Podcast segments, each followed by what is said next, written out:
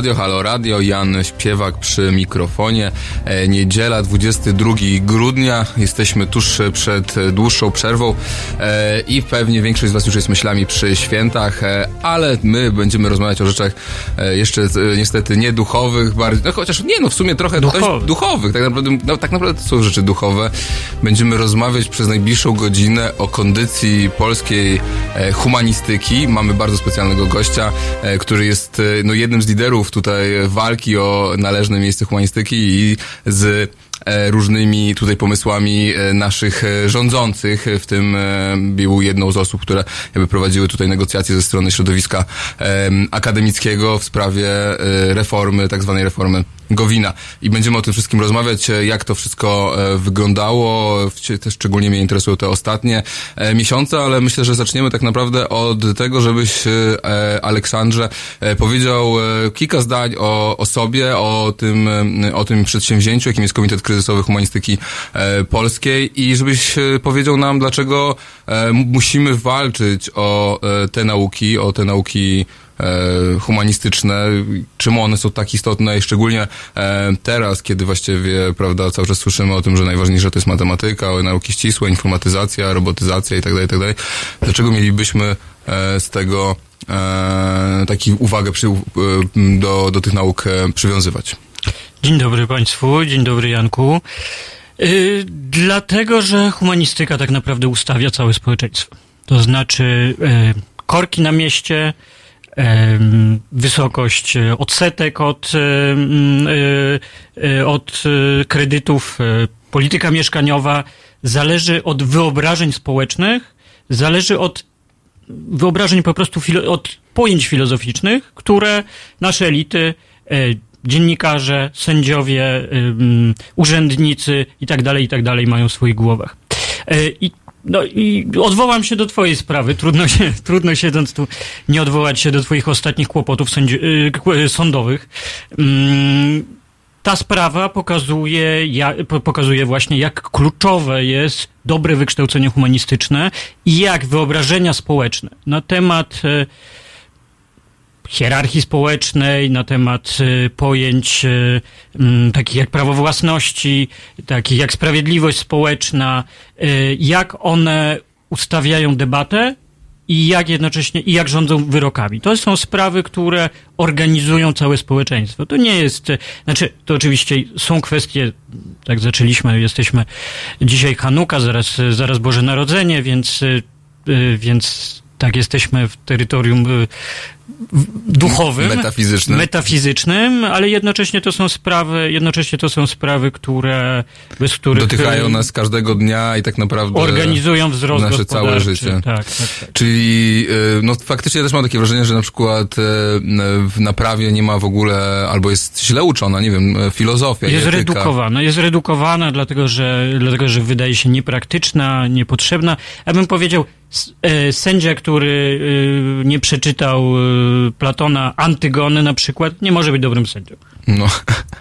No to ciekawe, czy ja bym zrobił, ciekawe byłyby takie rezultaty takiego testu wśród e, sędziów e, naszych sądów warszawskich różnego rodzaju, czy, czy czytali Antygonę. Myślę, że rezultaty nie byłyby za, e, za dobre jednak, ale wiem o co, wiem o co ci chodzi. I a skąd się bierze ta tendencja do redukowania znaczenia tych nauk i jakby rugowania ich z przestrzeni akademickiej? No, y, przede wszystkim e, z takiego prymitywnego urynkowienia, to znaczy uniwersytet ma być, uniwersytet ma być szkółką przyfabryczną, trochę w takim stylu, w stylu XIX-wiecznym, e, e, który ma przygotowywać ludzi do rynku pracy, zupełnie bez żadnej refleksji na temat tego, że rynek pracy jest niesłychanie zmienny, że przygotowanie do rynku, przygotowanie do rynku no jest w zasadzie niemożliwe, to znaczy ludzie, y, to, to nawet, to, to, to, to postrzegają, nie, postrzegają y, niektórzy pracodawcy. No, mówiła o tym kiedyś y, nawet Henryka Bokniarz, o tym, że nie jesteśmy w stanie przewidzieć, mm.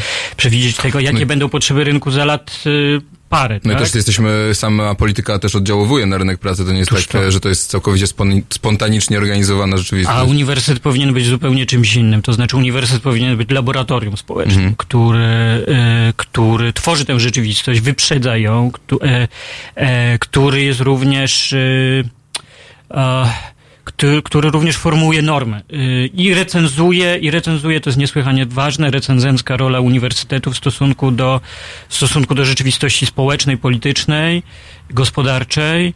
E, Ale to jest dość istotne, ta chyba jest dość e, duża ciągle, prawda? Znaczy, ja mam wrażenie, że istnieje taki, prawda, archetyp e, inteligenta, socjologa najczęściej, który przychodzi, prawda, do telewizji i coś krytykuje. ja trochę ten, ja- tak, ja, ja też w sumie taki archetyp trochę e, wchodzę, nie chcąc, nie chcąc i... Oj, nie bądź taki.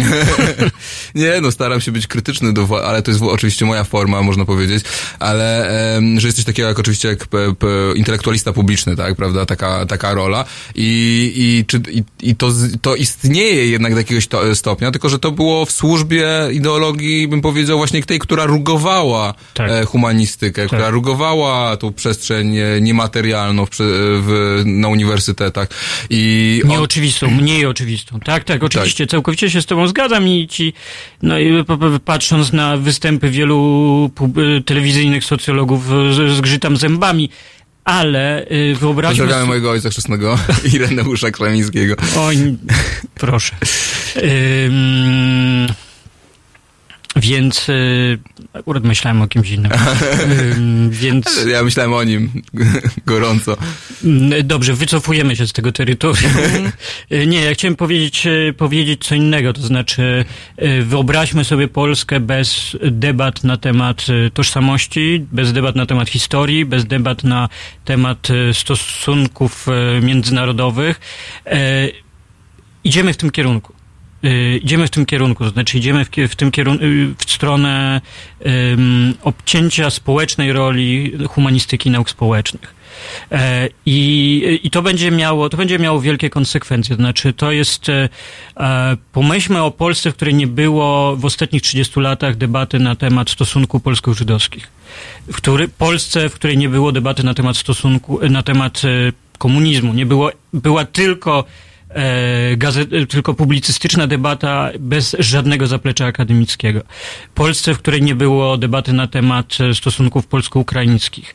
Polsce, albo w ostatnich latach Polsce, w której nie było zupełnie przepracowania problemu mm, no to, co rozpoczął Andrzej Leder Jansowa w naszej debacie, tak? To znaczy problemy pozostałości stosunków folwarcznych, tego jak to wpływa na nasze zarządzanie, jak to wpływa na nasze wyobrażenia społeczne. To się przyczyniło do pewnego zwrotu społecznego w ostatnich trzech latach. Więc to no, można tak, ale z drugiej strony jest to dość płytkie, prawda? Znaczy można mieć wrażenie, że jednak te debaty były chyba jednak w PRL-u dużo głębsze. Ja Tak. nie chcę, takie mam przynajmniej wrażenie, czytając o, o tych czasach, oczywiście ja ich nie pamiętam, ale, ale faktycznie mamy tutaj pewnego rodzaju pauperyzację mm, tych, tych, tych, tych nauk. E, Ale wyobraźmy sobie, Gdy, co by było, gdyby co nie, by było, gdyby nie ogóle było, tego nie to było, nie jest oczywiście. fantazja, to no znaczy, tak. to będzie, to, to znaczy, to będzie zaraz, znaczy w tym... Znaczy byśmy e, byli po prostu takim e, e, wędrownym, e, wędrowną e, plemieniem, który po prostu gdzieś osiadł i nie ma pamięci własnej i nie pamięta, tak naprawdę nie jest w stanie. Nie, ja bym powiedział, to jest znacznie Mhm. twardsza rzecz. To jest znacznie twardsza rzecz. To znaczy zwrot euroatlantycki po 89 roku nie był bez tych debat na temat pamięci, tożsamości, historii, a, które były przeprowadzane y, na, y, i na medialnym polu, i na akademickim polu, byłby płytki i byłby płytki, niekonsekwentny. y, y, Nie byłoby takiego konsekwentnego zwrotu naszych elit, gdyby, y, gdyby reforma Gowina weszła na początku lat 90. Mhm. Czyli e, e, Jarosław Gowin będzie bohaterem naszego, e, naszej, e, naszej audycji, ale to nie będzie, nie nastąpi tak szybko jeszcze, e, zanim o, nim porozmawiamy. Porozmawiamy o czasach przedgowinowych, e, czyli o czasach e, związanych z początkiem powstawania e, Komitetu Kryzysowego e, Humanistyki e, Polskiej. E, Alku, powiedz, ty jesteś e, doktorantem e, filozofii, Wydziału Filozofii Uniwersytetu Warszawskiego. E, Kiedy zaczęła się ta cała akcja wokół, jak powstał w ogóle komitet, kiedy to było? No to już 6 lat. W 2013 roku dowiedzieliśmy się o tym, że będzie likwidowana, że y, będzie likwidowana filozofia w Białymstoku.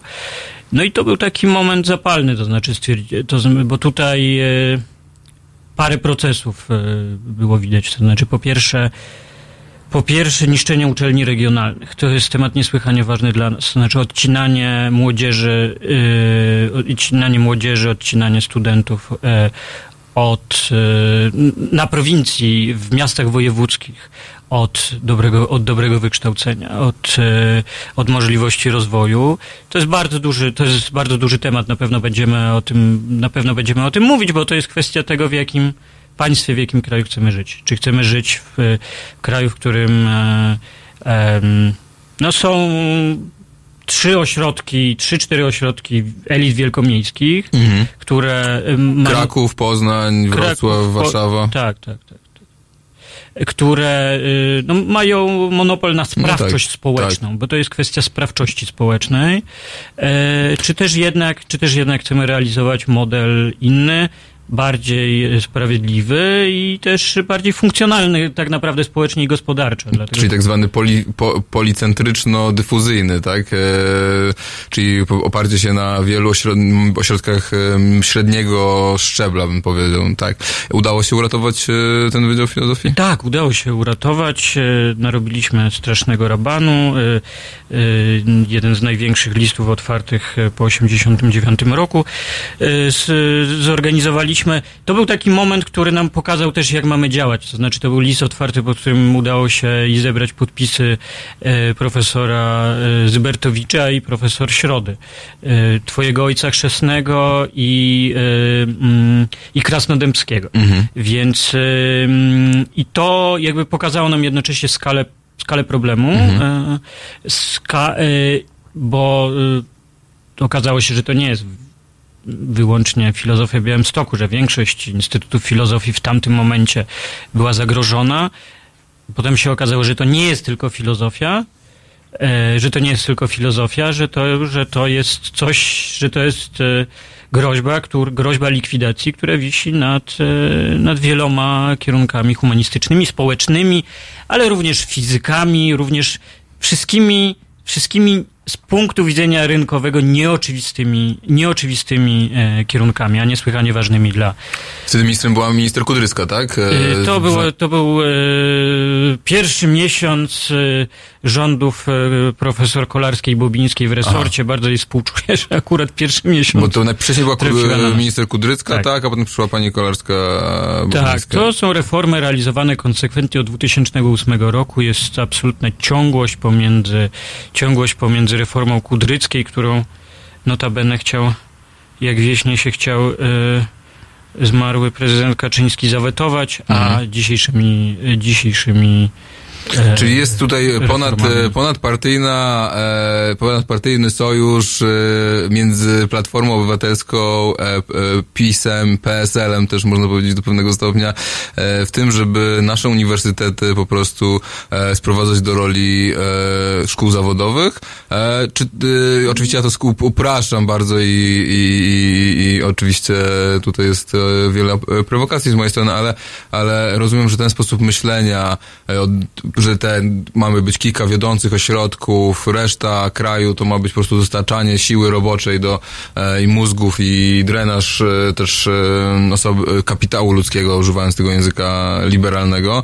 E, I tak ma, ma, tak ma po prostu funkcjonować to wszystko, tak? No, no i, to jest takie czyli wyobrażenie... tak nazwalibyśmy to modelem, ja moje ulubione słowo, neoliberalnym, tak? Polska w, Polska w budowie, takie to było hasło. Kiedy, zaraz, czyje to było hasło, bo mi się już myli, to jest hasło rządu... Polska w budowie to, jest poprzedniego rządu, prawda? Tuska chyba Tuska, tak. Nie tak. robimy polityki, budujemy most. No więc właśnie, no to jest takie, to, to, to jest takie wyobrażenie, że sobie, że y, wprawdzie zwiniemy mm, zwiniemy ośrodki regionalne, tak, zwiniemy większość, y, większość y, kluczowych dla tych miast wojewódzkich uczelni, kluczowych również nie tylko dla miast wojewódzkich, ale dla całego, całego zaplecza.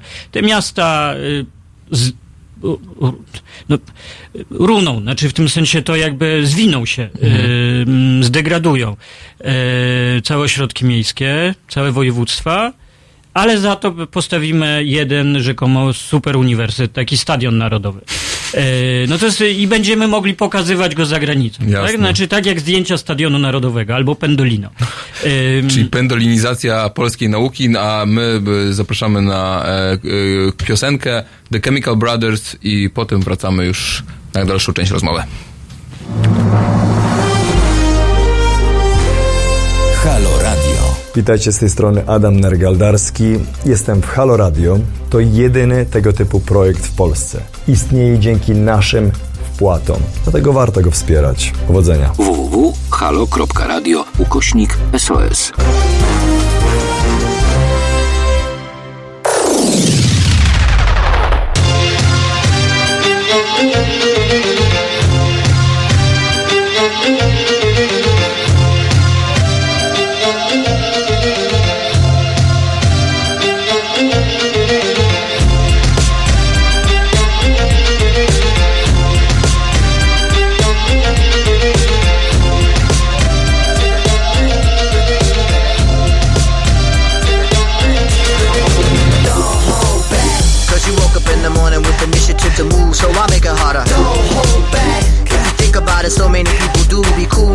smarter. Don't hold back. And you shouldn't even care about those noses in the air and the crooked stairs. Don't hold back. Cause there's a party over here, so you might as well be here with the people care. Don't hold back.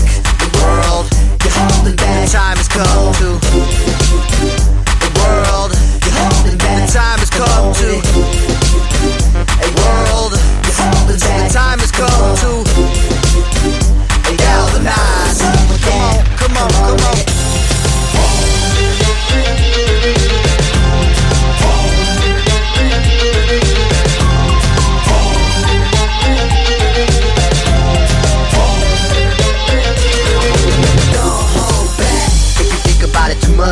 stumble, trip up, fall on your face. Don't hold back. You think it's time you get up. Crunch time, back and sit up. Come on, keep pace. Don't hold back. Put apprehension on the back burner, let it sit. Don't even get it lit. Don't hold back. Get involved with the jam. Don't be a prick. Hot chick, be a pig. Don't hold back. The world is holding back. The Time has come to. The world is holding back. The time has come to. The world is holding back. The time has come to and galvanize. Come on, come on, come on.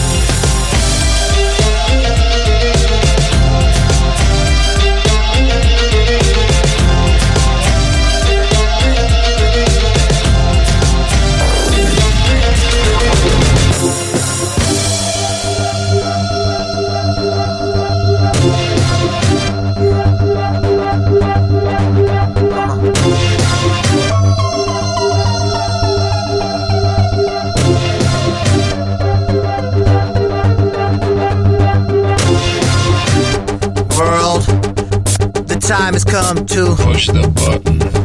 World, the time has come to push the button. World, the time has come to push the button. World, my finger is on the button. My finger is on the button. My finger is on the button. Push the button.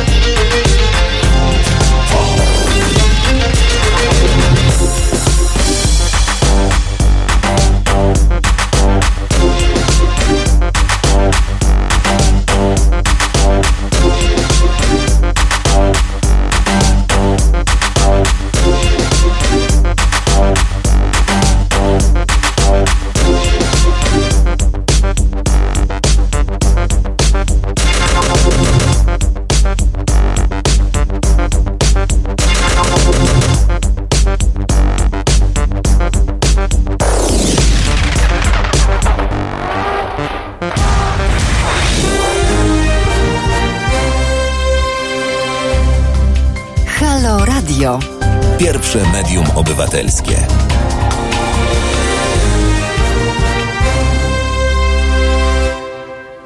Halo, halo radio, e, Jan Śpiewak, e, 22 grudnia, e, godzina 15.20. E, rozmawiamy z naszym e, gościem, z moim gościem, Aleksanderem Temkinem, e, jednym z liderów e, Komitetu Kryzysowego Humanistyki e, Polskiej. Rozmawiamy o humanistyce, o reformach e, w e, szkolnictwie wyższym i o tym, co znaczą e, często uniwersytety e, w takich miejscowościach, e, no nie tych największych miejscowościach, tylko właśnie tych troszeczkę mniejszych, ale wcale nie mówimy o małych miastach, bo rozmawialiśmy przed chwilą o Białymstoku, gdzie miała zostać zlikwidowany Wydział Filozofii.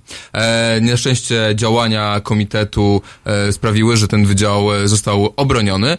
No i Alek mówił o tych metodach walki z tymi zmianami i tego, że tworzą się bardzo nieoczywiste koalicje na rzecz e, obrony wydziałów humanistycznych i w ogóle e, roli humanistyki. E, a ja chciałbym, ja tu zazwyczaj tutaj zapraszam ludzi, którzy e, z jednej strony są ekspertami w swoich dziedzinach, ale też e, no, działają, organizują się i walczą.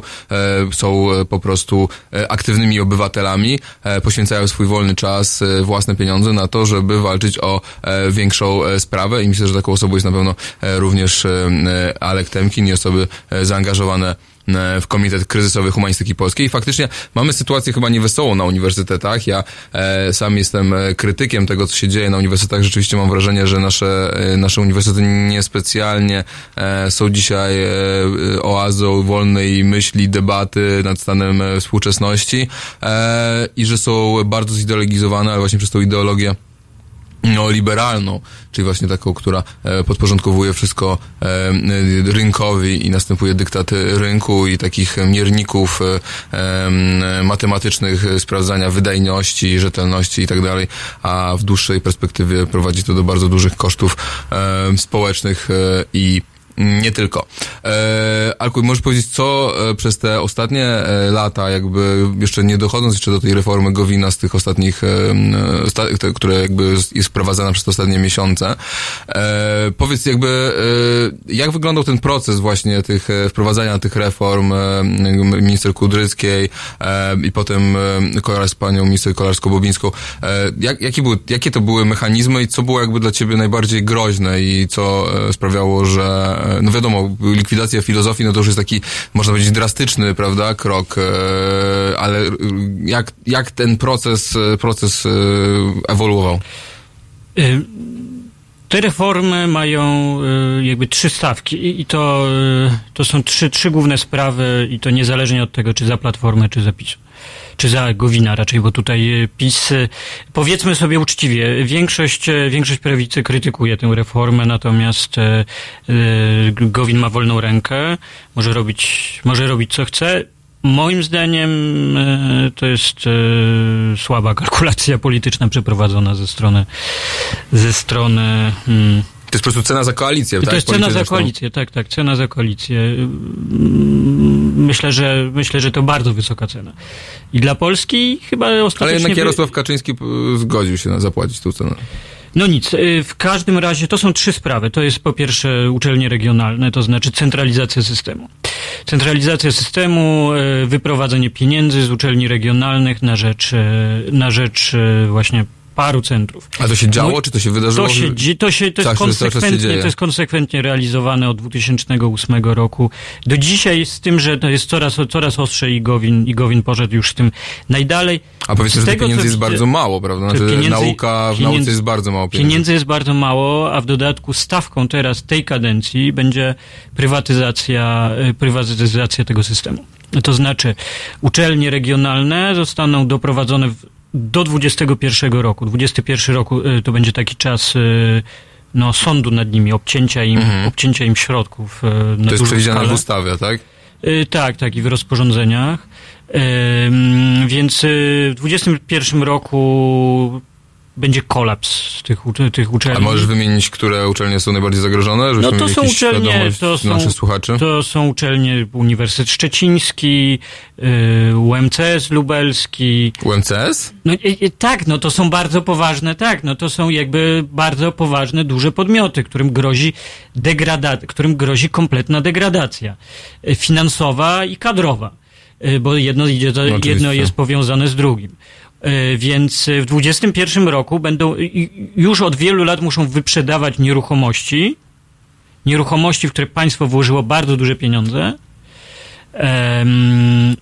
I to jest, jest i będzie bardzo smaczny kąsek. Wyobraźmy sobie budynki wybudowane za milion złotych, które uniwersytet y, będzie musiał odsprzedawać, bo nie będzie miał, będzie, nie będzie miał za co i dla, y, i, i dla jakiej kadry utrzymać.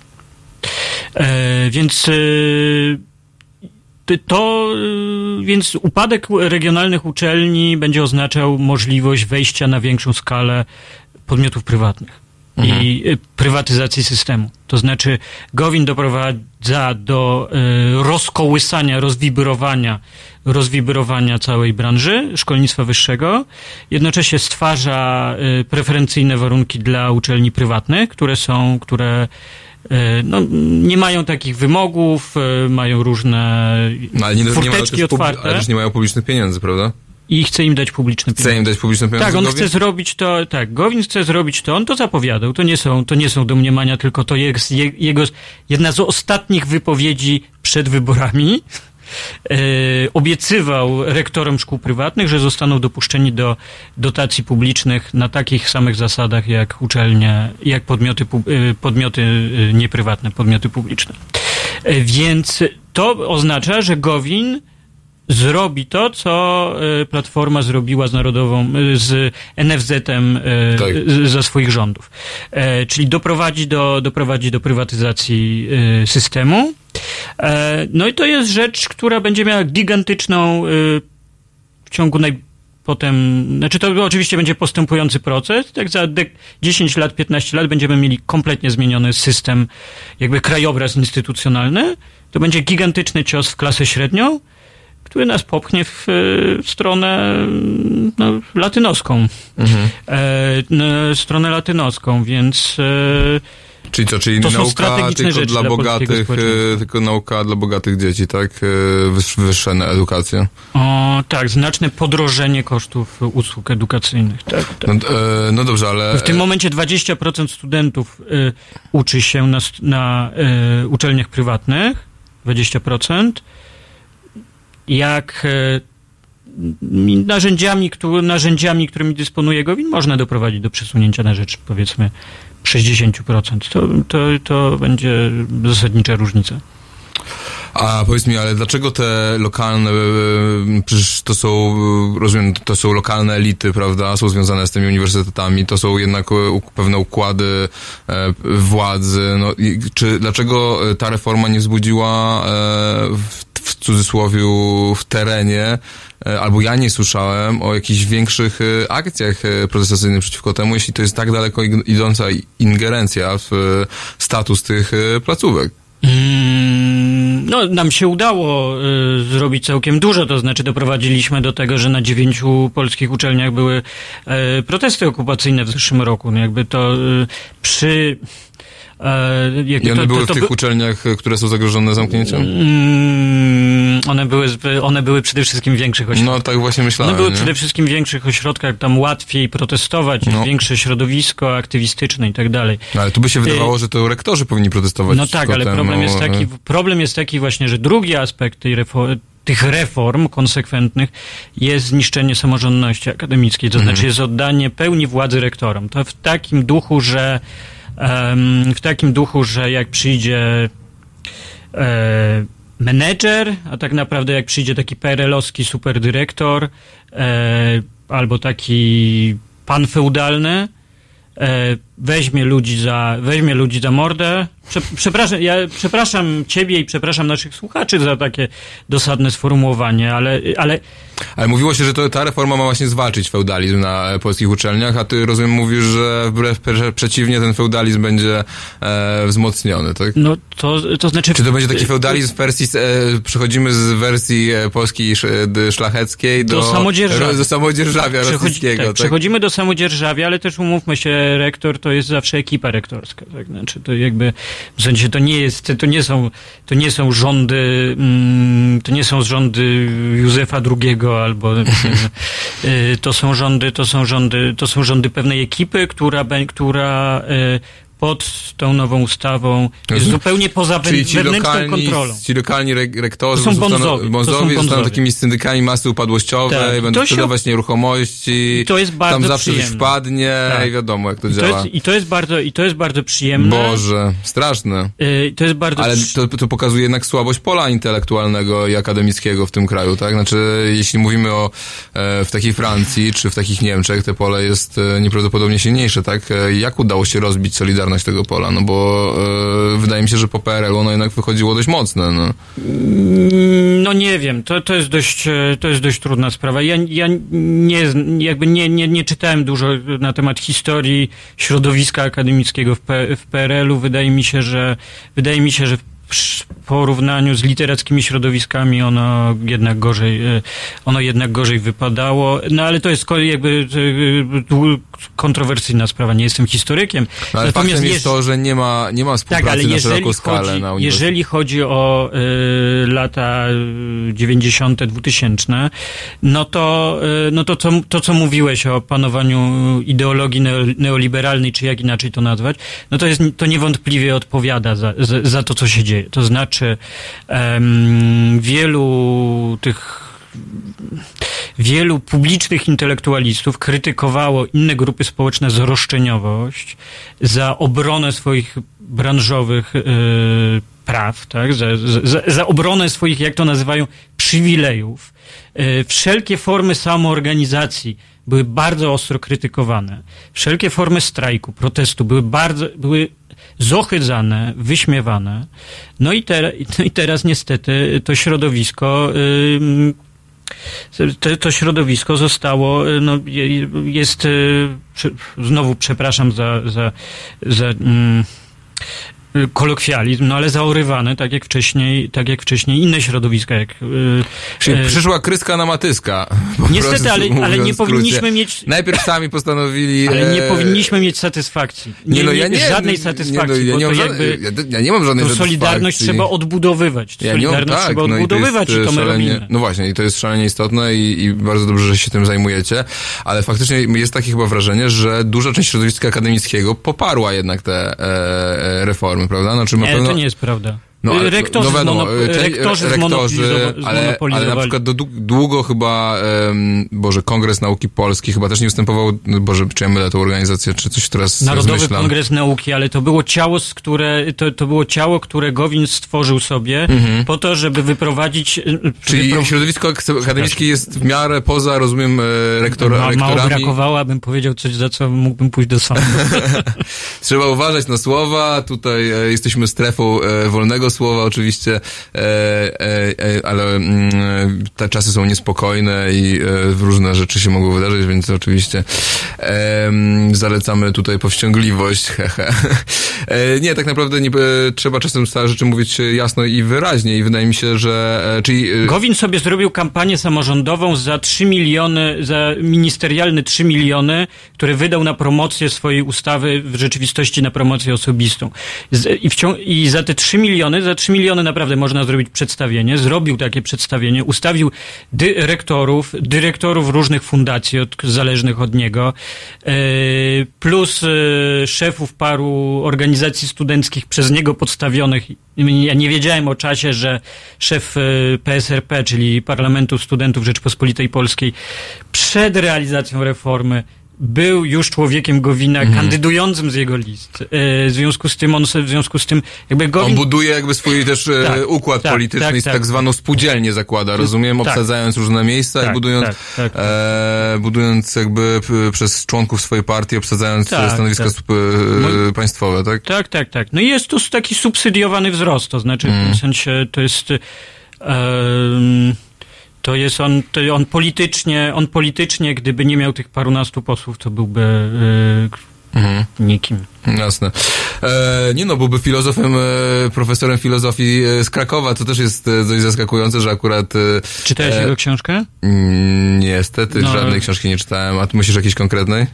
Y, tak, y, Kościół w epoce, y, Kościół w epoce wolności, czy coś takiego. Rozumiem, że jesteś, nie jesteś zwolennikiem tej książki i specjalnym. No musiałem ją w końcu przeczytać. E, rozumiem, no faktycznie tak, e, niezbadane są drogi awansu na polskich uniwersytetach. E, teraz e, przerwa na muzykę i wracamy na ostatnią część naszej rozmowy. Rimon Supergirl.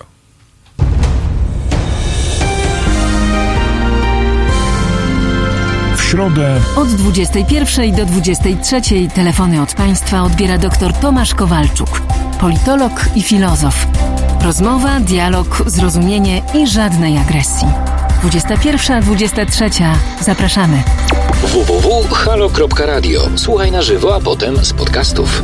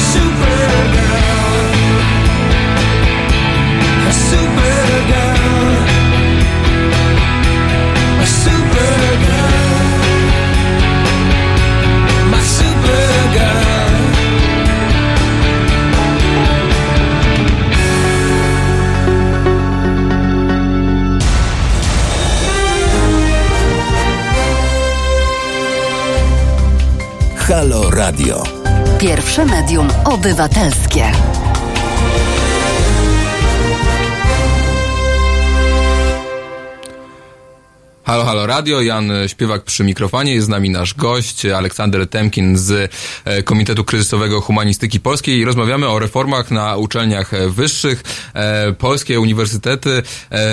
I tutaj Alkup e, chciałbym się w odrobinę w adwokata diabła, tak mi przyszło do głowy, że jednak może trochę powinieneś jednak Wreszcie. się, powytłumaczyć tutaj za to wszystko, a nie tylko będziemy sobie zgadzać się ze sobą i, ub- i ubolewać nad światem. Faktycznie Minister Gowin i ogólnie e, ci reformatorzy e, z podznaku Platformy Obywatelskiej mówią, że polskie uniwersytety są e, prowincjonalne, że polskie uniwersytety są, wypadają fatalnie w rankingach, że są na, e, tam chyba Uniwersytet Warszawski teraz jest tam 400, e, że po prostu jesteśmy, e, można powiedzieć, naukową e, dziurą e, świata, e, że nie wydajemy, e, że jest bardzo mało po- polskich publikacji w e, międzynarodowych czasopismach, e, że polska nauka po prostu jest e, niewydajna e, i e, nieefektywna i nie przynosi, nie, po prostu nie, nie uczy zbyt dobrze. Ja jako osobiście, moje osobiste doświadczenie oczywiście e, z mm, e, wyższą edukacją pokazują, że no, oczywiście jest to e, zbyt uproszczony obraz, ale faktycznie jest wiele rzeczy, które są po prostu e, dość nieprawdopodobne. Oczywiście część z nich się bierze z bardzo małego finansowania e, tej edukacji, e, ale czy nie jest trochę tak, że jest jakieś ziarno prawdy w tym, co mówi e, minister Gowin i co mówiła wcześniej e, e, Kolarska-Bobińska, a jeszcze wcześniej e, minister e, Kudrycka? Okej. Mówimy o reformie realizowanej od 12 lat konsekwentnie, Tak. tak? I e, która cały czas jest wielką rewolucją Tak. i wielkim zerwaniem ze status quo, To tak? prawda. I co? I ta reforma wchodzi od 12 Spadamy lat, cały czas w nie działa i No tak. spadamy. Więc nie dziękuję. Trzeba pomyśleć o innym lekarstwie, trzeba przeprowadzić ewaluację ewaluację dotychczasowych reform. E, My to robimy i będziemy to robić. Będziemy chcieli na, zrobić to na wielką skalę w najbliższym roku, półtora roku. Em, Znaczy wyjdziecie z własnym programem, z własnymi Y, propozycjami. Oczywiście, oczy, oczywiście mamy, mamy, mamy e, dobry, mamy dobry program naprawczy, Mhm. po, naprawczy po tym, co, po tym, co Gowin nawyrabiał. Ym, zobaczymy, kto będzie chciał z niego e, skorzystać. E, natomiast, okej, N- nie można, nie można mówić o tym, nie można mówić o tym, że wy, wywracamy do góry nogami status quo, jeżeli, jeżeli to jest reforma, która jest realizowana od 12 lat. Okej, tak? ale czy w tym, Więc w tej diagnozie oni już nie ma swój czas. trochę prawdy, tak? Znaczy, yy, Jest prawda, ale nie powinniśmy y, wychodzić od rankingów, dlatego że y, mm, to jest problem polskich polityków, to znaczy oni właściwie nie wiedzą, czego chcą od polskich uczelni, poza tym, żeby podskoczyły w rankingach. To znaczy, poza, to znaczy oni reformują podwskaźniki. To jest bardzo zły pomysł na, na naprawę państwa, dlatego że to jest taki pomysł jak to, y, jak w PRL-u, żeby, że będziemy potęgą, jak, będzie, jak podskoczymy statystycznie w produkcji węgla i stali. No, nie by, no i byliśmy na papierze którąś tam, tak na którymś tam miejscu. Nie powinniśmy tak o tym, nie powinniśmy tak o tym, tak o tym myśleć.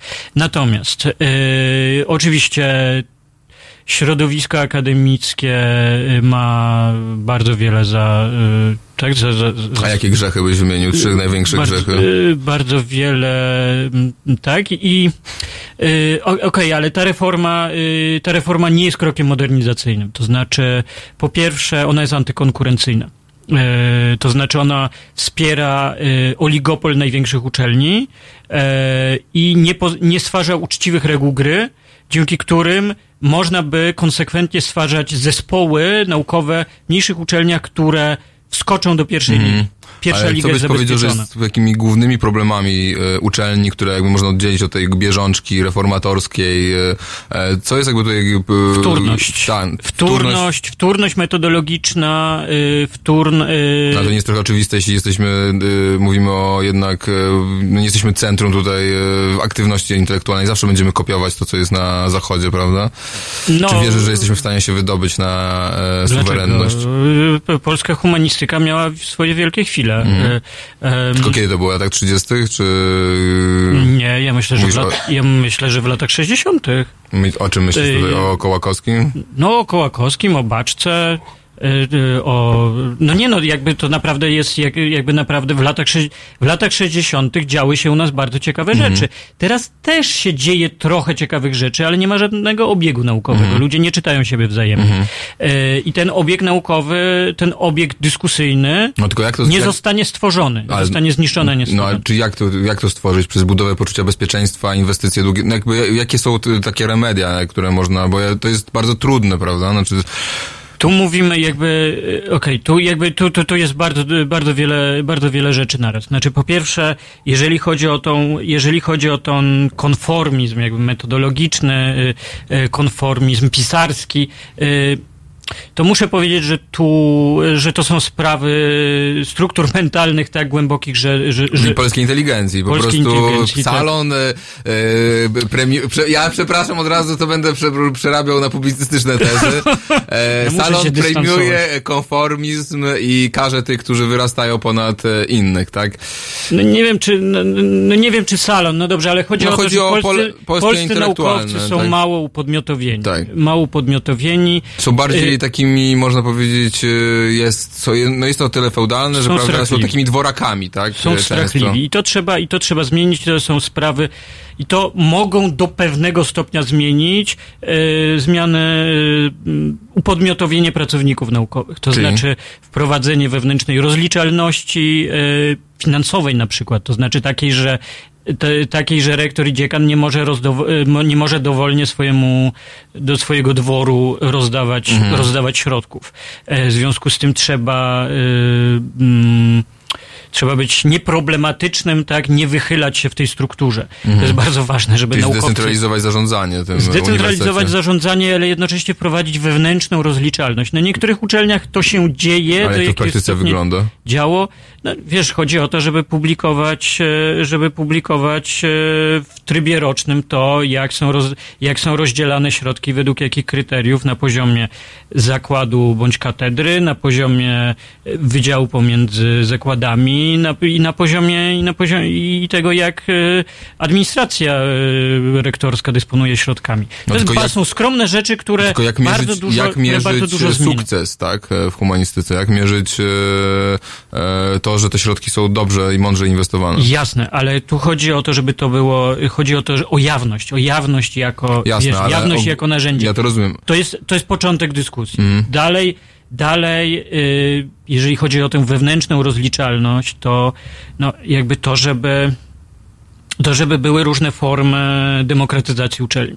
To też Mhm. jest niesłychanie ważne. Rozumiem, że ten samorząd e, uniwersytecki dzisiaj jest e, po tych reformach Gowina jeszcze słabszy niż był, tak? A i tak chyba nie był specjalnie silny. Nie, samorząd uczelni jest takim, e, wiesz, teatralnym ciałem, to znaczy trochę, znaczy takim e, w tym sensie potiomkinos, o potiomkinowskim ciałem, to znaczy on, on jest zależny od rektora z jednej strony bardzo yy, i to są ludzie, to są ludzie, to są bardzo często ludzie rektorscy albo ludzie ministerialni, którzy robią potem karierę. No właśnie, bo mieliśmy, przy, ja wiem, że ty byłeś obiektem bardzo ostrej krytyki e, rektora Uniwersytetu Warszawskiego, pana e, profesora Pałysa. E, i mamy takie wrażenie, że prawda, Uniwersytet- Warszawski, taka oaza wolności, demokracji, centrum, prawda, intelektualne kraju, Warszawa, a tutaj doszło do bardzo ostrego, można powiedzieć, konfliktu między, między grupą, rozumiem, osób, które chciały wejść do samorządu, czy chciały zablokować pewne zmiany, e, a grupą e, pana Pałysa i Nie, no, zosta- ten y, konflikt jest starożytny, to znaczy on Mhm. się zaczął od tego, że my broniliśmy sprzątaczek i ochroniarzy na uniwersytecie. Aha. To znaczy to, to, była bardzo ważna dla nas rzecz, to znaczy, to znaczy jakby y, wspólnie z dziennika, dziennikarzami e, Gazety Wyborczej. Gazety Wyborczej ym, którzy bardzo dobrą robotę tu zrobili, jakby wtargnęliśmy, wtargnęliśmy na uczelnię, wtargnęliśmy do rektora, trochę go przyparliśmy do muru i doprowadziliśmy do tego, że y, dzisiaj, dzisiaj y, właśnie y, personel techniczny jest znacznie lepiej zatrudniany, ale on zna to, za to nas bardziej nie lubił. Potem staraliśmy się zdemokratyzować y, wybory rektorskie na uniwersytecie, doprowadzić do tego, żeby były bardziej merytoryczne, żeby rektor przedstawił swój program, Tak. żeby był za to rozliczany. E, i żeby prowadził dia- wewnętrzny, wiesz, dialog, dialog ze środowiskiem akademickim, a nie żeby był, e, no, no nie żeby był takim półbogiem uniwersyteckim. Człowieka, człowiek aparatu trochę, prawda? To jest taki... e, Nie, proszę, bez wycieczek osobistych w stronę, Nie, w sensie dzisiaj, nie, nie mówię o osobistych, tylko że jakby sposób wybierania tego rektora dzisiaj jest, ma więcej wspólnego z wyborami wąskiej grupie, tak. Tak. wąskiej grupy e, o- oficjeli, który, która ma kontrolę nad Tak, jest- zasobami uniwersytetu Tak, i tak. korzysta z nich, budując tak. sobie e, sieć koterii. A potem zostają senator, senatorami dzięki temu. Senatorami czego? E, Senatorami Senatu Uniwersyteckiego. Nie, senatorami, to znaczy później, najpierw zostają rektorami, a później idą do polityki y, często. E, Jak to na przykład poszedł Rokicki, tak? Senator Rokicki. No jak, y, jak rektor Uniwersytetu Rzeszowskiego, jak rektor SGH, jak, no wiesz, to są rektorzy wielu, rektorzy wielu To uczelni. jest niesamowite, jak te struktury takie, właśnie mówimy o tych strukturach e, feudalnych, tego budowy takich, e, tych, no, można nazwać nie spółdzielnią, dworu, e, klientelizm szeroko Klient- rozumiany. który zostanie teraz zabetonowany Zostanie zabeton- pod hasłami rewolucyjnymi, to znaczy pod hasłami tego, że niszczy tak, że właśnie y, rozbijamy, rozbijamy te struktury, a tak naprawdę je rekonfigurujemy Tak. w rękach, w rękach Czyli to jest jakby, ten system po prostu musi cały, może on się musi cały czas przeobrażać, żeby mógł cały czas e, być zachowany, prawda? E, Bo widzimy dokładnie te same metody, mechanizmy działania. Przed chwilą mówiliśmy o tym, jak premier Gowin buduje swoje spółdzielnie jakby tam e, w polityce i tak buduje, że te pole, w tym polu akademickim dzieją się dokładnie te same rzeczy, w- co w polu politycznym, e, a to pole polityczne oczywiście promieniuje na e, cały kraj. Czy masz tu jakąś e, refleksję na temat tego, czy to jest kwestia, tu byś widział winę polskiego inteligenta, czy kto jest za tą sytuację twoim zdaniem odpowiedzialny? Nie, ja też nie biczowałbym tych strasznie tych polskich inteligentów, to znaczy oni mają, wiesz, momenty głębokiej słabości, ale też momenty chwały. To jest pewna jednak tradycja, którą warto moim zdaniem wykorzystywać, do której się odwołujemy i jed, no i jakby jesteśmy, jesteśmy w tej rodzinie. Tak? No dobra, ale to No- skąd takie dworskie i feudalne stosunki w kraju? Natomiast tak, Czemu one zamiast... przetrwały po 130 lat temu zniesiono pańszczyznę, a my ciągle um, widzimy Jasne, no. odbicie tych sytuacji w rzeczywistości To jest tragedia. Teraz reformujemy uniwersytety właśnie pod hasłem, pod hasłem takim, że modernizacja oznacza powrót do y, folwarku. Y, No i jesteśmy takie wieczne koło tego samego. No to, to, to jest, To jest zaklęty jakby krąg polskiej historii po prostu. Z- zaklęty krąg, który trzeba przerwać właśnie dzięki upodmiotowieniu pracowników naukowych, dzięki demokratyzacji, dzięki demokratyzacji uczelni, dzięki wprowadzeniu wewnętrznej rozliczalności, dzięki walce z plagiatami, dzięki stworzeniu... Ale czy widzisz dzisiaj siłę taką na uniwersytecie, która jest w stanie to, to wyzwanie podjąć? No wiesz, jakby mamy sporo sukcesów w ostatnich sześciu latach. Znaczy jesteśmy bardzo trudnych warunkach działamy. Bardzo trudnych warunkach działamy, dlatego że y, no, mamy większość establishmentu naukowego przeciwko, przeciwko sobie, ale udało nam się do, udało nam się jednak y, duże rzeczy wyrzucić, y, wyrzucić z tych Z ustaw tych reform? Mhm. wyrzucić z tych reform, a udało nam się jedn- też na wstępnym etapie wepchnąć tam parę, wepchnąć tam parę rzeczy. Czy mogło być dużo gorzej, gdyby nie wy? Y, Tak, y, ale oczywiście, y, oczywiście przyszłość no niestety wygląda bardzo groźnie, dlatego że, wisi nad nami właśnie groźba prywatyzacji systemu i groźba tego, że klasa średnia zostanie bardzo mocno uderzona w Polsce po kieszeniach i że z- przejdziemy do innego modelu społecznego. Dlatego, dlatego bardzo ważne jest to, żebyśmy pozostawali w formie y, i Ja no, trzymam za no, was kciuki i też wszystkiego. e, wszystkim, którzy chcą e, wesprzeć e, komitet, odwiedzić stronę komitetu na Facebooku, zobaczyć jak można się włączyć w działania, jeśli to oczywiście was interesuje, na pewno polajkować. Każde ręce i każda głowa jest na wagę złota. No właśnie, e, tutaj będziemy trzymać e, kciuki. E, Faktycznie można mieć wrażenie, że dryfujemy w stronę takiego modelu Ameryki Południowej, bardzo dużych różnic społecznych, a, cieka- a dzieje się to w kontekście, co ciekawe, haseł o redystrybucji, przecież którym szermuje rząd Prawa i Sprawiedliwości 500 plus i innych tego typu mm, programów. No to jest radykalna sprzeczność. I tutaj jest ewidentna, ewidentna sprzeczność sprzeczność, a może nie jest to sprzeczność, może jest to po prostu kolejny y, etap rozwoju tego systemu, który po prostu musi cały czas, e, że tak powiem, ewoluować, żeby być cały czas u władzy. Ale tego, na to pytanie już, Alku, nie odpowiemy, może kiedyś jeszcze Ja się pocieszam, że Modzelewski z Lechem Kaczyńskim chciał zawetować, chcieli doprowadzić do zawetowania ustawy Kudryckiej. No niestety, to- ale niestety mm, e, więc e, za chwilę żegnamy się z naszym gościem, a za, po przerwie, po godzinie czwartej e, Filip Konopczyński będziemy rozmawiać o tym, jak uregulować Ubera i Airbnb, czyli o sharing economy. Do usłyszenia, a teraz pijama porno, twoja Genesis? Coś tak, genera... Nie, przepraszam, generacja!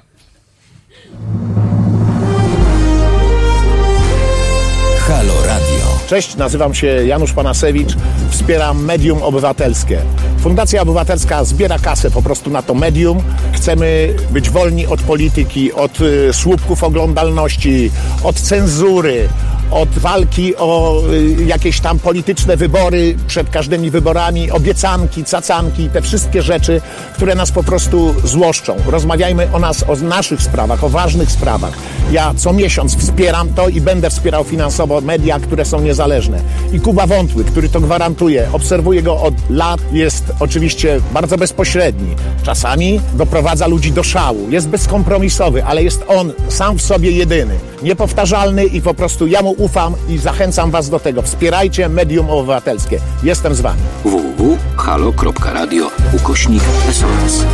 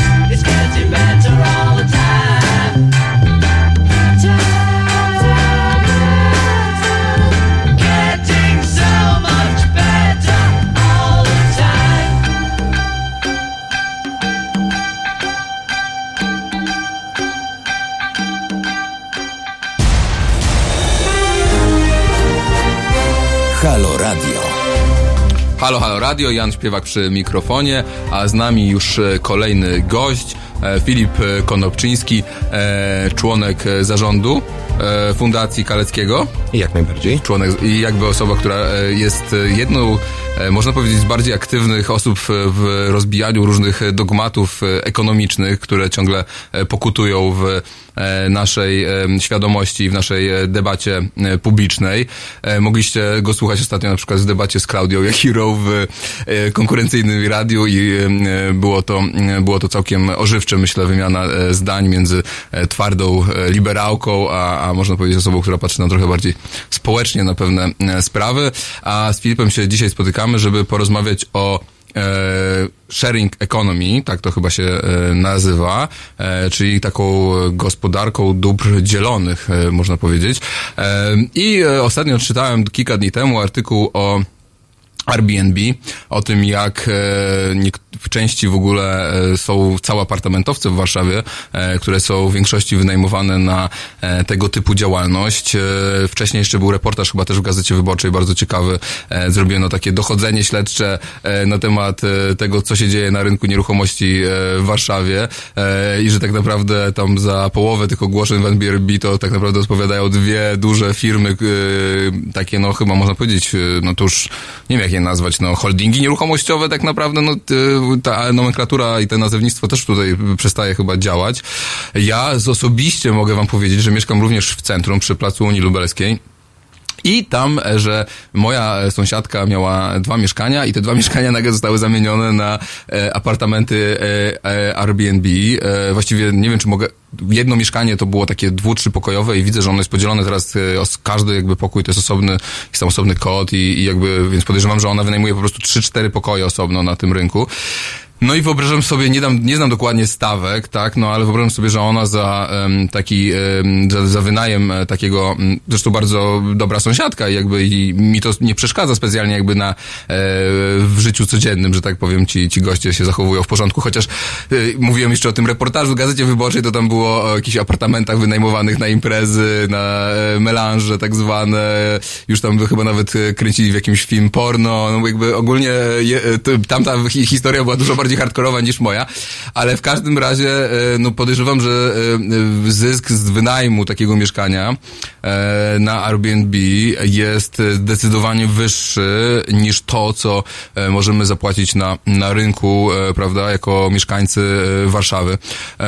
I to jakby chciałbym, żeby to był taki przyczynek do tej dyskusji o tym, na ile ta sharing economy, która niesie jakąś obietnicę, że teraz każdy będzie, prawda, przedsiębiorcą i każdy będzie mógł zostać kotelarzem i to podobnie z Uberem, tak? E, Taka była chyba, takie była obietnica na początku, tak? No, masz jakąś tam pracę, ale ogólnie masz tam, nie wiem, trzy godziny po południu wolnego i pojedziesz sobie na Uberze, zarobisz tam e, 50 zł dziennie ci więcej mm, wpadnie, czyli jakby takiego możliwości do robienia sobie, za, za, zaistnienia na tym rynku e, w jakiś e, inny sposób, a tak naprawdę, że stała się e, narzędziem e, zniewolenia i przemocy gospodarczej, ekonomicznej. Filip, e, powiedz, e, co się stało? E, mm, Przede wszystkim dziękuję, dziękuję za zaproszenie, a tak już e, przechodząc, przechodząc do rzeczy, no, no, no rzeczywiście te, mm, ten termin e, anglojęzyczny sharing economy, który, który używa się, czy może raczej właściciele i osoby promujące te firmy lubią używać tego określenia, on faktycznie, faktycznie był kilka lat temu modny.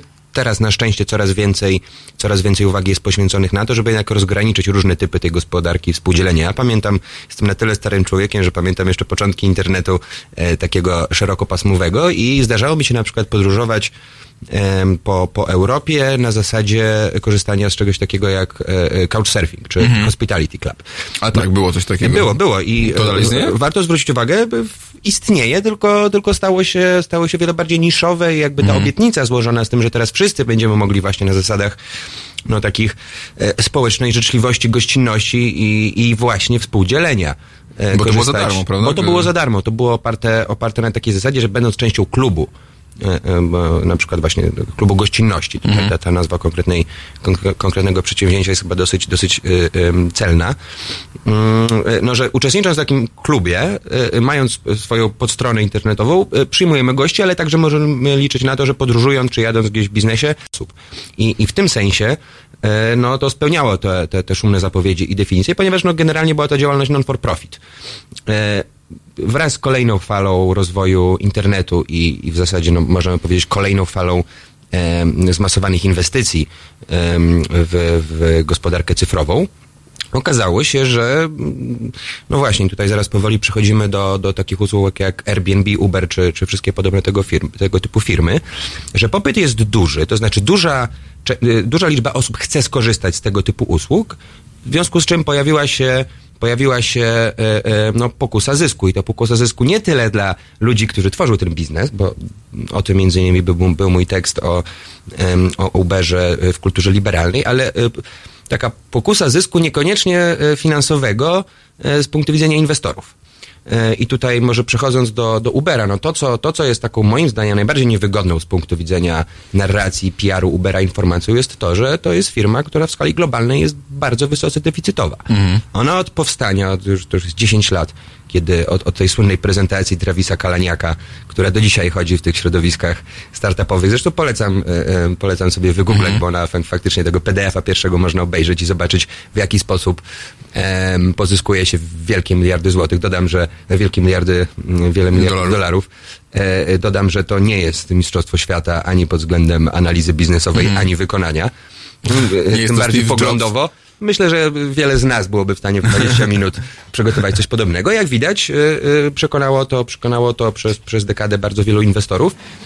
Do tego, żeby swoje pieniądze Kalanikowi czy jego następcom, on już teraz formalnie nie kieruje firmą jako Ono CEO. przez jakieś e, seksistowskie wypowiedzi, tak? Jakiś Znaczy, tam mobbing.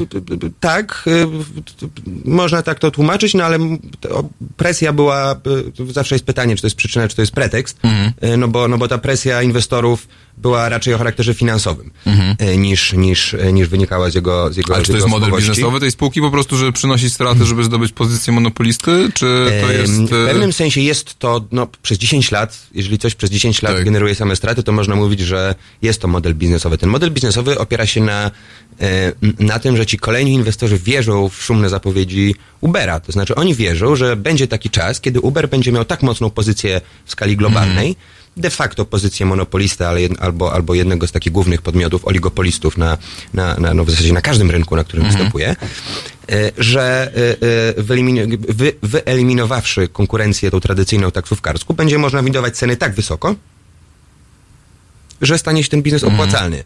Tak więc, e, tak więc sytuacja jest paradoksalna. To brzmi, ale to nie brzmi troszeczkę jak piramida finansowa? E, To e, absolutnie, absolutnie tak brzmi. To znaczy, to znaczy jest to pewien, e, no z punktu widzenia inwestora jest to, jest, ry- ryzyko jest spore, bo, bo nic na razie nie wskazuje, aby, aby Uber faktycznie był dochodowy, ale znamy też przykłady firm, które przez wiele lat były deficytowe e, i, i po czym jak udało im się, e, udało im się pokonać konkurencję i zdobyć, zdobyć dużą atrakcyjną pozycję dominującą, tak jak na przykład Amazon, który także przez chyba ponad 10 lat przynosił same straty. Naprawdę? Tak. I, i, I dopiero wtedy ta kaskada zysków jest. e, jest em, Mhm. Ale czy tutaj widzimy, że jest on, to, to jest e, realne? Jednak wydaje się, że te e, taksówkarskie, chociaż czy te przewozy jednak są dość odporne na, te, e, na tego Ubera, przynajmniej w Warszawie tego nie widać. E, No, wydaje mi się, że Polska jest dosyć specyficzną, specyficznym rynkiem, ponieważ jest nie no, nawet, nisk- tania praca. nawet podróżując, praca jest tania i te e, e, dalej oczywiście ze względu na to, że Uber w takim sensie globalnym działa dumpingowo, to znaczy inwestorzy dopłacają do każdego Mhm. przejazdu, em, e, to, to mm, e, jakby nie jest nie, jakby nie jest to nie, jest to coś oczywistego. To znaczy e, jeżeli, jeżeli spojrzymy właśnie z punktu widzenia z punktu widzenia modelu e, biznesowego no to e, na rynkach zachodnich te taksówki są po prostu droższe. E, no b- ja e, Czyli różnica jest innymi słowy większa między Różnica jest znacznie, Uberem znacznie a... większa, przynajmniej w części miast. Oczywiście to także się zmienia, bo tutaj dochodzimy do tego szkopułu i, i, dlaczego, e, dlaczego e, e, tego, tego miejsca, w którym, w którym, e, w którym model biznesowy Ubera jest e, no, zarówno pęknięty i, i, i niedobry, jak i na czym polega geniusz sukcesu tej firmy. To znaczy, jeżeli wszyscy uwierzymy, że e, Uber jest przyszłością, to faktycznie Uber może być przyszłością. E, I co za tym idzie? No za tym idzie przede wszystkim zgoda na e, bardzo preferencyjne traktowanie tego typu globalnych firm internetowych w kontekście przede wszystkim podatkowym, ale także, ale także innego rodzaju regulacji, także związanych no, w przypadku przewozu osób, no po prostu chodzi o kwestię bezpieczeństwa i e, zarówno p- pasażerów, jak i, jak, i, jak i bezpieczeństwa kierowcy, m, tego czy ktoś sprawdza, czy na przykład ten kierowca nie pracuje 30 godzin pod, pod No rząd. właśnie, bo to Tego- jednak wydaje się, że jednak w Warszawie, no w tych y, Uberem jeździ oczywiście ogromna ilość y, imigrantów, tak? Mamy bardzo dużo osób y, z byłego związku, z Republiki Byłego Związku Radzieckiego, ale mamy nawet osoby, zdaje się, z Bangladeszu Hindusów, czy, e, czy Indii. Pakistańczyków, tak? I Hindusów. to też, e, też jest forma po prostu nieprawdopodobnego wyzysku, prawda? Bo ci ludzie zarabiają, podejrzewam, czy oni są w ogóle objęci e, prawem pracy w Polsce, czy Ale nie, oczywiście, oczywiście, że nie są Nie objęci są. prawem pracy. To są wszystko przedsiębiorcy, ale co więcej, często jest, często jest tak. o Przedsiębiorcy, którzy co mają zarejestrowane firmy w, u siebie, e, u siebie. Czy ty opadasz cały czas na Cały krześle? czas, cały czas opadam, aczkolwiek To, tutaj... wiesz, to może, to chodź, może, Mo- może ja się przysiądę, bo to niepokoi mnie tył mojej głowy. Który odbija się może... Może, może, nie, możesz jesteś za, nie możesz być za ciężki na to, bo ja jestem na pewno, na pewno cięższy od ciebie i nie, nie, nie, nie, nie jestem ten. Eee, no ale dobrze, będziemy mieć bardziej intymną rozmowę tutaj dzięki temu. Eee, e, czekaj, o czym, e, znaczy, czyli czy o nich nie, nie obowiązuje prawo pracy, no i czy to jest, to, to jest forma z wyzysku, czyli tak naprawdę znowu przerzucania gdzieś kosztów e, przez te korporacje na, tak naprawdę na ludzi. E, To, to jest, e, myślę, że tutaj warto, warto zastosować taką analogię z umowami śmieciowymi. To znaczy, nie każda umowa zlecenie nie każda umowa o dzieło, nie każdy także umowa o pracę zawarta na czas e, określony jest umową śmieciową. E, Śmie o, o śmieciowości decyduje to e, e, nadużywanie tej umowy. To znaczy, jeżeli ktoś faktycznie pracuje e, jako pracownik, ale ma co miesiąc podpisywaną umowę o dzieło, wtedy mówimy o, o umowie śmieciowej, a w przypadku, nie wiem, artysty, który wykonuje projekt plakatu i dostaje rozliczenie w ramach dzieła, no to to jest dobre zastosowanie tej umowy. Tak więc, no, zakładając, e, że faktycznie mielibyśmy do czynienia z scenariuszem takim, o którym wspomniałeś na początku, to znaczy, że e, faktycznie e, ja mam samochód, e, mam jakąś pracę, mam kilka godzin w tygodniu, gdzie chciałbym sobie dorobić, wtedy można mówić faktycznie o tym, że, że, że nie jest to zwykły stosunek pracy. E, W sytuacji, w której mamy do czynienia między innymi w Polsce, o tym był, był między innymi dwa lata temu bardzo dobry reportaż śledczy w Okopres, e, mamy do czynienia no także z takimi no, lekko no, nie chcę mówić mafijnymi, ale, ale no na pewno niejasnymi z punktu widzenia prawnego i gospodarczego przedsięwzięciami. E, i kiedy powstają pośrednicy, to znaczy mamy firmę Uber, mamy jakiegoś inwestora, przedsiębiorcę, który na przykład dysponuje flotą 50 samochodów, który występuje o zgodę e, na przykład na ściągnięcie pracowników z, z krajów rozwijających się i po czym on im e, jakby dostarczy te samochody, a oni podpisują z nim osobne umowy i umowy- dostają znacznie mniej pieniędzy, nawet niż dostawaliby, gdyby sami, e, sami, mogli, sami mogli prowadzić tą działalność. Tak więc oczywiście nie każdy, kto, kto e, jeździ w Uberze faktycznie jest pracownikiem, ale w przypadku e, podejrzewam, no tutaj nie ma, nie ma jasnych szacunków także dlatego, że, że ta, nie znamy publicznych raportów o, em, o tym, jak wygląda ten rynek, rynek Ubera w Polsce. Nikt się tym nie zajął. Ni- NIK, Najwyższa Izba Kontroli, tak, jako taki organ, który mógłby potencjalnie e, podjąć, podjąć takie działania. jak Banaś nas słyszy, czy jeśli nas słyszy, to to jest bardzo dobry ba- temat na bardzo ciekawy kontrolę. obszar. E, No, ale Czyli de facto oni nie płacą podatków w Polsce, oni nie sprowadzają składek emerytalnych najprawdopodobniej. e, jeżeli, jeżeli oni taki kierowca taką- ma działalność gospodarczą, to jak Ale to najbardziej... jest, jeśli spo, no to, ale to wtedy rozumiem, że musi być raczej pewnie Polakiem, albo, no bo raczej te, osoby, raczej ci ze, wschodniej, ze wschodniej granicy, oni tu mogą prowadzić własną działalność? Mogą prowadzić, no ale Raczej- zgadzam się z tym, że raczej jest to rzadsze, bo chociażby dlatego, że wymaga to, wymaga to biegłego posługiwania się językiem polskim, Tak. zatrudnienia kogoś, to by te sprawy Bardzo wielu rozumiem na wizach jakichś e, uczelnianych, studenckich, które tak naprawdę są... Czy nawet pracowniczych, y, y, gdzie, gdzie, gdzie pracodawcą jest agencja pracy, Mhm. na przykład, czyli też pośrednik, ale Ale mu tyle się mówi, prawda, że mieszka, już mamy minutę jeszcze w tej części, mówi się o tym, że ten rząd, prawda, jest bardzo antyimigra, znaczy ma bardzo pod taką retorykę antyemigracyjną, tak, imigracyjną, e, antyuchodźczą, prawda, i tak dalej, i tak dalej, a z drugiej strony widzimy jednak sz- radykalne, chyba jednak otwarcie granic. Znaczy ja nie przypominam sobie, żeby Nie, no bo- 4 czy 5 lat temu była taka sytuacja, oczywiście patrzę z perspektywy Warszawy, tak, ale, ale, ale widzimy po prostu liczbę e, osób, które, migrantów ekonomicznych, która jest, e, prawda, nieprawdopodobna. I to są właśnie ludzie, którzy bardzo często nie są objęci gwarancjami wynikającymi w teorii z polskiego rynku pracy, prawa ci pracy. ludzie statystycznie mają gorsze prawa i zarabiają mniej niż no właśnie, niż, to, niż to, to, to jest po prostu skąd się bierze taka polityka władzy.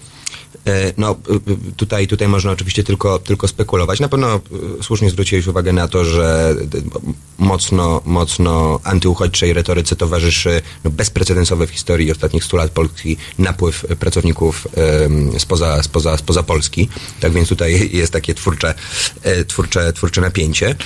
E, Niemniej, no tutaj warto zwrócić uwagę, że, że te duże, duże firmy, w większości są to firmy amerykańskie i, i w przypadku na przykład firmy Uber nie można em, kompletnie od, e, e, z punktu widzenia kraju takiego jak Polska ignorować sprawy międzynarodowe. No i te Mhm. słynne listy i spełnienia Tak. senator Mosbacher w obronie amerykańskiej, Będzie- amerykańskiej firmy na pewno tak, także rezonują w obozie władzy. Mhm. Zaraz e, przerwa na muzykę, a potem będziemy rozmawiać innymi o podatku cyfrowym i o tym, dlaczego taki podatek nie został uchwalony.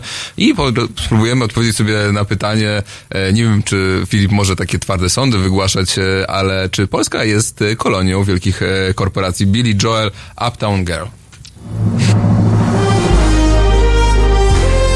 Halo Radio. Nazywam się Tadeusz Bartoś. Zachęcam do wspierania medium obywatelskiego, inicjatywy Kuby Wątłego. To będzie y, być może rzecz zupełnie nowa. Kuba Wątły chce, żeby powstała inicjatywa wymiany myśli, wymiany opinii, poznawania świata niezależna od wielkich mediów. Dlatego to jest medium obywatelskie. Zachęcam do wspierania tej inicjatywy na stronie Patronite.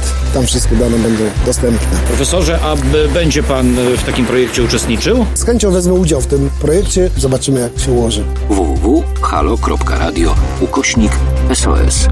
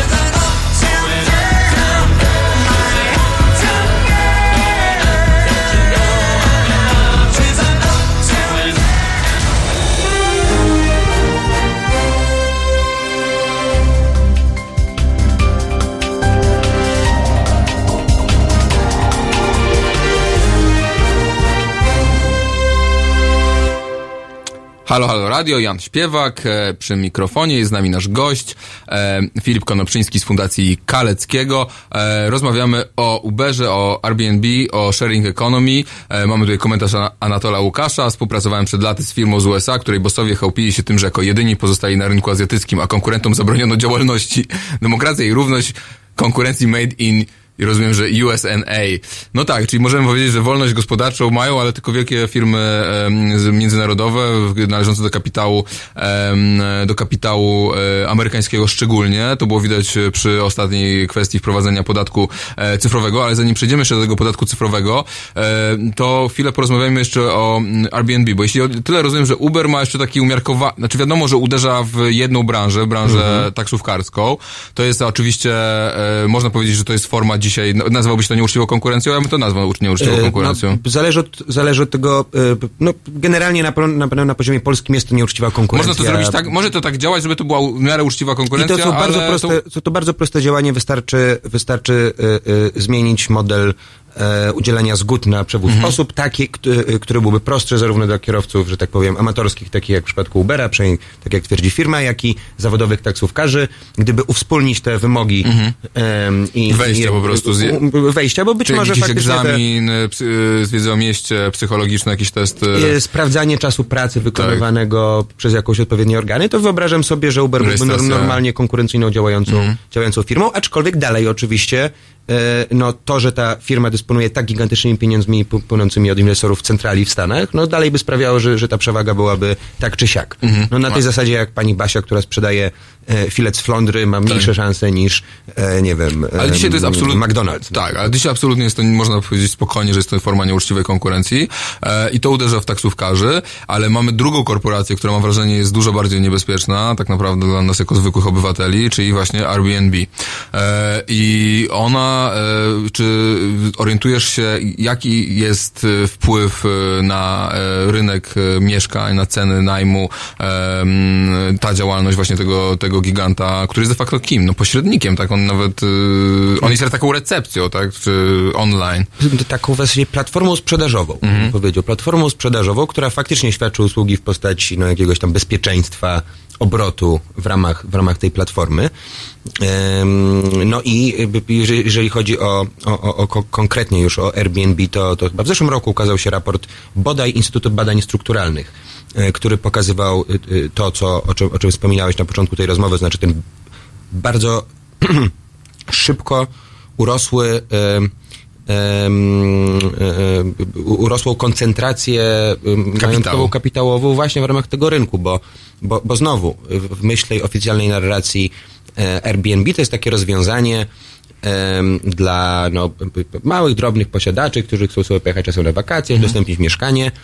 E, przy takim rozwiązaniu nie widać specjalnych zagrożeń dla, dla gospodarki, jeżeli to byłby serwis wakacyjny dla części pasjonatów, którzy nie boją się oddać własne mieszkanie komuś zupełnie obcemu za to, żeby kiedyś, kiedyś, kiedyś pojechać albo, albo e, móc korzystać z tych e, z tego typu benefitów, to, to, to zagrożenie nie jest wielkie.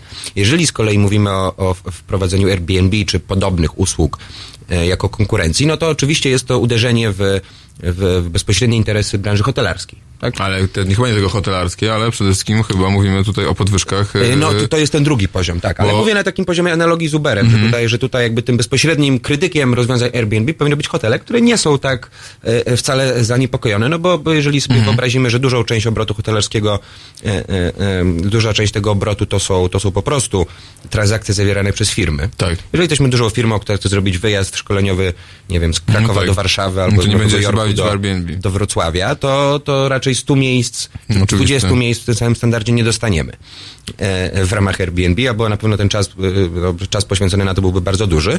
No ale już w przypadku turystycznych, indywidualnych wyjazdów jest to jak Tak. najbardziej zrozumiała konkurencja. E, No ale to właśnie te, te prawdziwe ryzyka wiążą się z, no, z innymi problemami. Mhm. I znowu, tutaj jeden z tych, jedna z tych specyfik tej nowej, e, nowej cyfrowej gospodarki jest, jest taka, że ona bardzo nierównomiernie działa e, e, regionalnie. To znaczy te, te duże firmy takie jak Uber czy, czy Airbnb, one oczywiście większość zysku czerpią w metropolii. W największych miastach, gdzie koncentracja i popyt na, na te usługi jest, jest, jest znacznie większy, gdzie mieszka coraz więcej ludzi, powiedzielibyśmy. Polska to jest przykład takiego kraju, gdzie, gdzie to jest proces średnie małe miasta i się po prostu, po prostu wysychają chyba, z Chyba ludzi. jeszcze nikt nie wymyślił tak naprawdę, co można zrobić, żeby zatrzymać tą degradację, ale to nie jest nasz, oczywiście temat naszej rozmowy. Mhm. E, no tak. I to ma wpływ po prostu I na, ma- wpływ na rynek cen mieszkań i... Powiedziałbym, że to radykalizuje e, tak, tak e, bardzo klasycznie marksowsko e, definiowany podział U, społeczny. Marx. E, I to, I to jakby taki Marx, m- m- traditional original, Karl Czyli, Marx. co, czyli po prostu mamy Posiadaczy posiadaczy i- rentierów, którzy... I czerpią zyski pośrednio z ludzi, którzy przyjeżdżają do miasta albo Mhm. mają to nieszczęście, że nie urodzili się w bardzo zamożnej rodzinie albo z, w rodzinie z, z, z majątkiem w postaci mieszkań. E, I te osoby, no, zyski, zyski osób, które, które posiadają ten zasób mieszkaniowy są wprost korelowane z coraz większymi kosztami, które ponoszą ludzie, którzy muszą wynajmować. Mhm. Co w szczególny sposób uderza osoby, które po pierwsze właśnie no, nie są zamożne z rodziny, a po drugie nie pochodzą z tego miasta. No tak. Bo tutaj Warszawa to w kontekście transformacji ustrojowej też jest takim ciekawym, ciekawym rynkiem. Przecież ktoś, e, em, kogo rodzice na przykład byli em, robotnikami w PRL-u, ale dostali przydział mieszkania, które z jakiegoś powodu e, zyskało na wartości, bo na przykład było w centrum, e, teraz jest zupełnie innej sytuacji niż, Tak. nie wiem, niż, niż dziecko e, e, na przykład nauczyciela akademickiego z małej miejscowości, czy ze średniej miejscowości, gdzie, gdzie ta nieruchomość, jeżeli się ją odziedziczyło, ma znacznie niższą wartość. Pamiętam, że tak był więc- taki raport NBP, który właściwie już tam, że klasa średnia w Polsce to jest de facto to są ci, którzy się uwłaszczyli na mieszkaniach, tak? Znaczy, że to są osoby, które wykupiły zak- mieszkania zakładowe, mieli jakieś spółdzielcze e, czy komunalne i tak naprawdę, że 80% tej klasy średniej to są ludzie, którzy dostali te mieszkania, można powiedzieć, w, pre, w prezencie, e, znaczy w prezencie, no płacili podatki e, e, przez lata, łożyli na utrzymanie tych mieszkań i że jakby jest to największe grono, które stanowi tą e, klasę średnią, a tymczasem jakby można powiedzieć, że to pokolenie wciągnęło drabinę za sobą, prawda? I już e, kolejne pokolenie nie ma takiej okazji do tak, tego, nie żeby... dostanie, nie, nie, będzie mogło zapisać się na przydział mieszkania z pracy, za, za, za to będzie mogło wynajmować mieszkanie od, e, od kogoś na Airbnb, no mniej więcej tak, tak, wygląda. Albo wynajmować od kogoś, kto, deal. prawda, jak patrzy na swoje mieszkanie, no zastanawiam się, kiedy, mam nadzieję, że oni tego nie słuchają, właściciele mojego mieszkania zastanowią się, a może jednak Janek mógłby zapłacić tam e, dwa razy więcej, bo za mieszkanie, gdybyśmy je wynajęli na Airbnb, to byśmy mieli z niego tyle i tyle, prawda? I ta presja... No to też, też tutaj chciałem zwrócić uwagę, Mhm. że tak jak obserwując jakieś znane mi osoby, które, które w ten model poszły, y, to, to nie jest tak, że, że, że, że na rynku warszawskim Airbnb to jest faktycznie taki ciągły y, że to jest nie, niekończące się źródło złota, Mhm. ponieważ, ponieważ no, Warszawa nie jest miastem, które jest atrakcyjne turystycznie przez dwa, 12 Mhm. miesięcy w roku i, i, jednak te cykle, kiedy zjeżdżają tutaj ludzie z innych miejscowości są jakoś powiązane z tym, z, z czasem biznesowym. E, Także lokalizacja mieszkania ma duże znaczenie. E, Tak więc na pewno nie jest tak, że jeżeli ktoś ma jedno mieszkanie, e, które nie jest fantastycznie doskonale ulokowane, to, to to jest taki pewny pieniądz. Niemniej, nawet mając obłożenie na poziomie, nie wiem, 30-40%, można osiągać zysk większy niż, niż takiego Niż- uczciwego najmu. Tak. Bo rozumiem, że w rynkowych. Polsce, e, no, bo jak to jest, znaczy, że każde mieszkanie może się zamienić nagle w, e, w najem krótkoterminowy, nie ma żadnych regulacji nałożonych na to? Z tego co wiem, o ile nie ma jakichś e, lokalnych na przykład e, regulacji nałożonych przez wspólnotę albo przez, przez gminę, nie, wiem o takiej praktyce, aby, aby to było powszechne, to, to jak najbardziej każdy może, każdy może oczywiście rozliczając się urzędem skarbowym po dosyć korzystnym No właśnie, bo to i- 9% e, czy 8% podatku. e, Ryczałt jest mo- może 8,5% czerpać. O, na, na ile mieszkań? Na, czy natomiast na dochód jakiś, prawda? Tak, to, to w zeszłego roku, od zeszłego roku e, e, zmniejszono, e, zmniejszono, znaczy to już nie pamiętam jaki jest ten limit, ale, ale wprowadzono pewien limit. E, Ale to jest w e, stylu, że może być zysków tych mieszkań pewnie z 5 albo 6, prawda? Tak, I jest tak, spokojnie, tak, no. czyli innymi słowy, Pols praca... E, Taka, taka jedna uwaga, że czasem się zastanawiamy, jaka jest, e, jaki, jest, e, e, jaki jest powód konkretnego, kon, konkretnej stawki regulacyjnej, przy, szczególnie w przypadku podatków czy innych tego typu e, e, decyzji, o które, które podejmują legislatorzy, to warto zwrócić, zastanowić się, czy to nie jest tak, że akurat nie wiem, na przykład taki średni poseł ma 4 czy 5 Tak. mieszkań i akurat powyżej, i on bogactwo dostrzega powyżej, Ale coś w tym powyżej jest, tej liczby. ale bo, bo jednak 8,5 punkta procentowego stawki e, na wynajem mieszkań, podczas gdy praca jest obciążona najniższa stawka podatkowa, tak, razem ze składkami, to pewnie wyjdzie tam 20 kilka procent, zgaduję, tak? Być może nawet więcej. E, nawet więcej, około 30, tak. E, e, i mówimy o tych najgorzej zarabiających. E, samo zatrudnienie, prawda, czyli też pewna fikcja, można powiedzieć. Znaczy na pewno mając do wyboru bycie pracownikiem albo bycie mieszkaniem, polecam zostać bycie mieszkaniem. tak. Ale czyli, czyli właśnie, czyli to jest tak moim zdaniem, że po prostu, że e, w polityka, politycy są po prostu bogatymi ludźmi i oni po prostu to tworzą to prawo pod e, siebie, Myślę, tak? że tak. Tutaj akurat jakiś Czy to jest jakiś większy, większy projekt spisków. ideologii? Nie, nie, myślę, że jakiś większy spisków był- bym się nie, nie spodziewał. Bo był ten projekt ideologiczny, który też stoi trochę z Mhm. Airbnb, tak, że jakby będziemy dysponować i żeby ludzie mieli własność, jak będą mieli własność, to staną się, prawda, obywatelami. Była przecież Margaret Thatcher prywatyzowała zasób komunalny bardzo intensywnie w Wielkiej Brytanii. W Polsce te, było też pomysłem e, pow- powszechnego uwłaszczenia, oczywiście przez pana ministra Janusza Lewandowskiego taki pomysł był. Tam trochę, co prawda, miało to inaczej e, wyglądać, bo to nie chodziło o mieszkania, tylko tak o, o, udział w skar- byłem w spółkach Skarbu Państwa. Ale ta, ten, ta ideologia jakby znowu taka właścicielska ciągle jest bardzo silna, prawda? I jakby, e, czy to jednak nie są rzeczy powiązane, że mamy ciągle, e, każdy musi mieć, mieć własność i my musimy tym właścicielom zrobić wszystko, żeby jak najlepiej. E, a za tym oczywiście się kryje projekt e, ideologiczny i pewnej hierarchii społecznej, no bo umówmy się, jest to konserwatywny projekt, jeśli możemy tak to określić, bo jest bardzo jasno podzielony na właścicieli, na wynajmujących, czyli na tę klasę posiadającą i tą bardzo dużą klasę, która nic nie posiada. To znaczy, myślę, że tutaj diabeł tkwi w szczegółach. Nie wiem, czy nazwałbym, znaczy, oczywiście na pewnym poziomie e, prawo własności jest ideologią w takim sensie, że, że to nie jest fakt natury.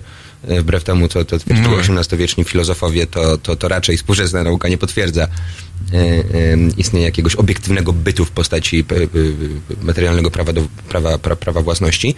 Ale jednak jest to fundament, nie? Niemniej jest to na pewno na takim E, poziomie psychologiczno, psychologiczno, zarówno psychologicznym, jak i, jak i ekonomicznym jest to fundament, fundament na pewno. e, Święte prawo własności to jest po prostu coś, co, no właśnie samo na Ostatnie- święte, ostatnie prawda? święte prawo, Dokładnie, które- ostatnie które- tabu, które, Tak. po, które zostało nam w tym, tym, które organizuje nam Ale zwróćmy uwagę, bo y, tutaj, y, myślę, że także ta ideologia oparta właśnie na prawie własności jakoś nam mija. Mówi się coraz więcej o, o gospodarce opartej na korzystaniu, o, o, o podejściu do, do, do korzystania z dóbr jako, jako pewnego doświadczenia, czasowe korzystanie, na przykład namawia się na time sharing, mówi się o, o tym, że przyszłością komunikacji w miastach jest, są, będą, będą samochody ride sharing, czy, czy, czy samochody, które możemy po prostu na minutę wynająć. Na A to znowu nie jest to działają. samo, to- Tu potrzebujesz na przykład to nie tak, sam hulajnogi elektronicznej. No właśnie, bo to, właśnie, Lime, Mhm. tak, to są hulajnogi firmy Uber. Tak, ktoś mi napisał pod tym tym. No więc jakby y, to, co o tym mówisz, to nie jest po prostu kolejna transformacja tego systemu, który próbuje gdzieś tam wykrzesać coś z siebie i po prostu cały czas morfuje.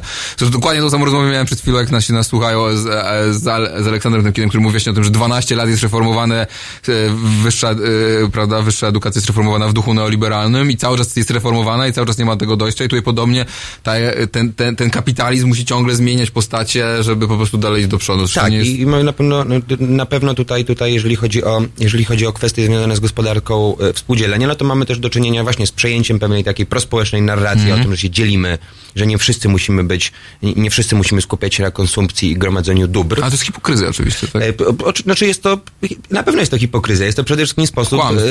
e, pozyskania pieniędzy No tak, inwestorów. no Em, I, I Uber jest też, jeżeli chodzi o komunikację, czy, czy sposób spinowania, sposób budowania, budowania narracji o sobie jako firmie, no myślę, że to przejdzie do takich klasyków marketingu i komunikacji XXI wieku. Em, e, tu, tutaj, tutaj naprawdę trzeba, trzeba, trzeba docenić pewien rodzaj geniuszu. Nie jest to geniusz biznesowy, jest to raczej powiedziałbym biznes quasi-religijny albo, albo, albo No tak, jak wszystkie pira, piramidy, znaczy nie nazywamy oczywiście Ubera piramidą finansową, absolutnie tutaj disclaimer, ale... Gdyż nie wiemy, być e, może ale, wygra. Ale bo może, może na koniec wygra, ale na pewno takie, takie biznesy są oparte na, na kulcie, prawda? Ten Elon, ten Elon Musk, tak? On chyba to opanował e, w najlepszym e, rodzaju, Zaczęło się prawda? oczywiście od Steve'a- Bo Tesla Steve'a też przynosi, prawda, te straty od nie wiadomo jakich I, i e, często się czasów. zapala z tego, co także z, z, czytania amerykańskiej prasy, także są pewne problemy związane z, z bezpieczeństwem. Na pewno są to bardziej niebezpieczne samochody niż, niż, ni- Niż niż te. odpowiedniki spalinowe. Niemniej, no, y, y, dochodząc do takich właśnie dużych pytań, no, e, problem nie jest w tym, że mm, problem nie jest w tym, że Polacy y, gromadzą majątek i powiększają, powiększają swój stan posiadania. Tutaj warto zwrócić uwagę chyba w tym samym raporcie NBP, to był chyba z grudnia 2015 bądź 2016 roku, e, w którym, w którym, z którego wniosek był między innymi taki, że e, porównując w ramach tych samych metodologii majątek Polaków i Niemców, wychodzi na to, że przeciętny Polak ma większy majątek niż Niemiec. Mhm. Zarabiając 3-4-krotnie mniej. Czyli tam po prostu nierówności majątkowe są. Nie, e, nie do końca, to znaczy tak, ale nie. Hm. To znaczy, to znaczy dotyczy to właśnie nieruchomości. Aha, że nie mają, bo wynajmują. Bo nie muszą Bo nie muszą, bo posiadać, są chronieni ponieważ prawem. w wielu miastach są chronieni prawem i te czynsze nie są w pełni, wo- w pełni wolnorynkowe, pełni wolnorynkowe. e, w Polsce. Przy, e, przypomnijmy, że w Polsce też e, czynsze uwolnił Trybunał Konstytucyjny.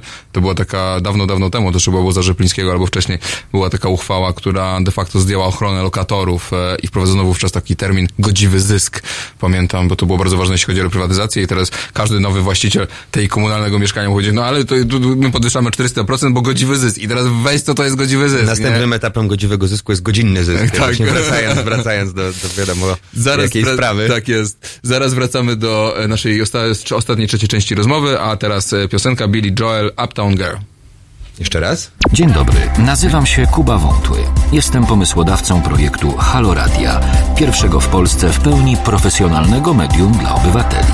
Dla niektórych z Państwa jestem też ojcem dyrektorem, chyba dlatego, że czasami udzielam się w naszych programach nagle i z zaskoczenia. I dobrze, wszak dobre toruńskie wzorce są zawsze w cenie, no poza tym jednym. Pan Rydzyk gromadzi pieniądze, by nas dzielić i z czasem doprowadzić do wojny domowej na tle religijnym. My prosimy natomiast Państwa o wsparcie, by móc z Wami rozmawiać, by wspólnie się uczyć, by tolerancję zastąpiła akceptacja. Zauważyliście, jak różne są te dwa słowa? Akceptujmy siebie i akceptujmy to, że po 30 latach, od 1989 roku, tylko dzięki państwu możemy tworzyć medium bez udziału polityków i nie na pasku korporacji. Pamiętajcie o nas codziennie jeśli chcecie być częścią naszej społeczności, to słuchajcie, oglądajcie, piszcie, mówcie i finansujcie swój obywatelski projekt Halo Radia www.halo.radio ukośnik SOS. Dziękuję w imieniu wszystkich dziennikarzy i swoim własnym.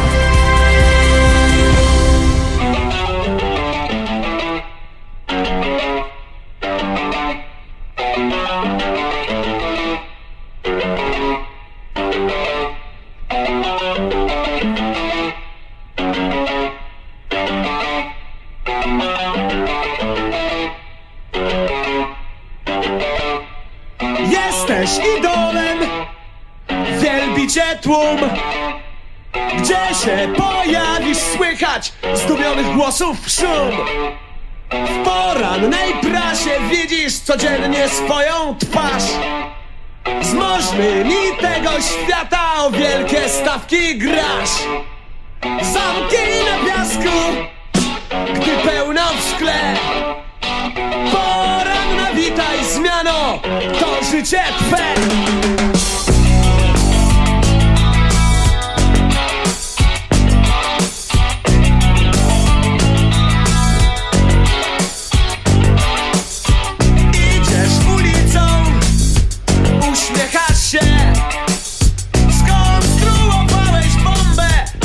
skondensowaną śmierć.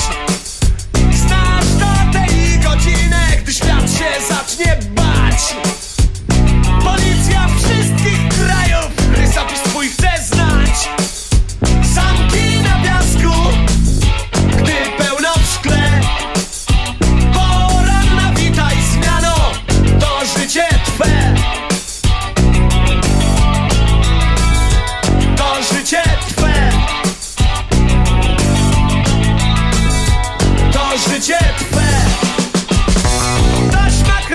się Ty stoisz przy niej. Jesteś pionkiem w grze Kółkiem w maszynie. Żyjesz w zamkach pośród chmur Na ich wieżach. Nie chcąc wiedzieć ani czuć Dokąd zmierzasz. Zamki na piasku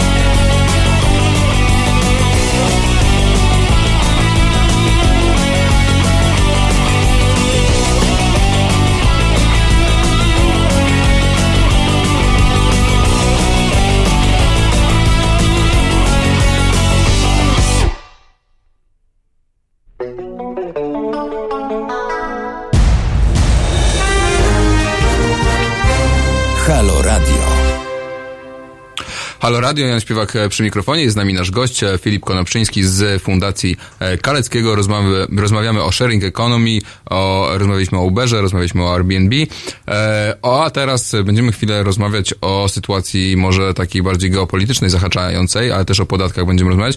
Mianowicie będziemy rozmawiać o tym, dlaczego nie udało się wprowadzić e, podatku cyfrowego e, w Polsce. Czy możesz, e, Filipie, przybliżyć naszym słuchaczom, co to w ogóle ten miał być, ten podatek cyfrowy, na czym on miał polegać. Wiem, że podobny podatek został wprowadzony w Czechach niedawno. Jakbyś przedstawił, czy to jest sensowne, czy nie? Czy... No więc tak, no, po- po- podatek cyfrowy jest, jest, e, to jest taka idea, taki, taki pomysł na dostosowanie em, systemu podatkowego, tego współczesnego systemu podatkowego do, do warunków zglobalizowanej, coraz bardziej opartej na internecie gospodarki. No, e, w- sytuacji, kiedy, kiedy e, przepływ kapitału jest bezpośredni, przeciw przepływ pracowników także jest, jest, jest, jest duży w krajach takich na przykład jak Polska, e, istnieją szeregi firm, em, które, które no, czy, czy poprzez optymalizację w ramach innego kraju, czy we, poprzez współpracę z siatką firm w krajach, które są uznawane za raje Mhm. podatkowe, czy które można w ten sposób wykorzystać.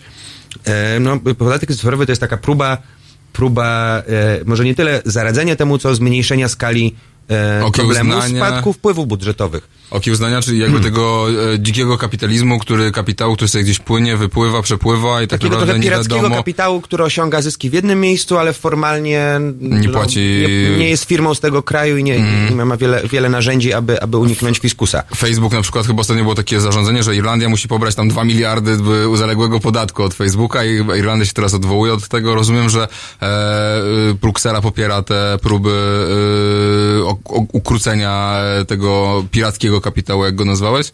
E, No, mm, myślę, że to jest dużo powiedziane, że, że Bruksela to, to, e, to popiera. Na pewno e, Unia Europejska, czy, czy, czy bardziej szczegółowo Komisja Europejska, ale także niektóre frakcje w parlamencie no, mają świadomość tego problemu. Pojawiają się takie pomysły. E, po- Pomysł na podatek cyfrowy to, to jest po, pomysł, który należy pochwalić przede wszystkim na poziomie całej Unii Europejskiej. Bo to najpierw zostało tam, tak? Znaczy w sensie... Jako idea. Nie, no, znaczy to wynika trochę z, z natury.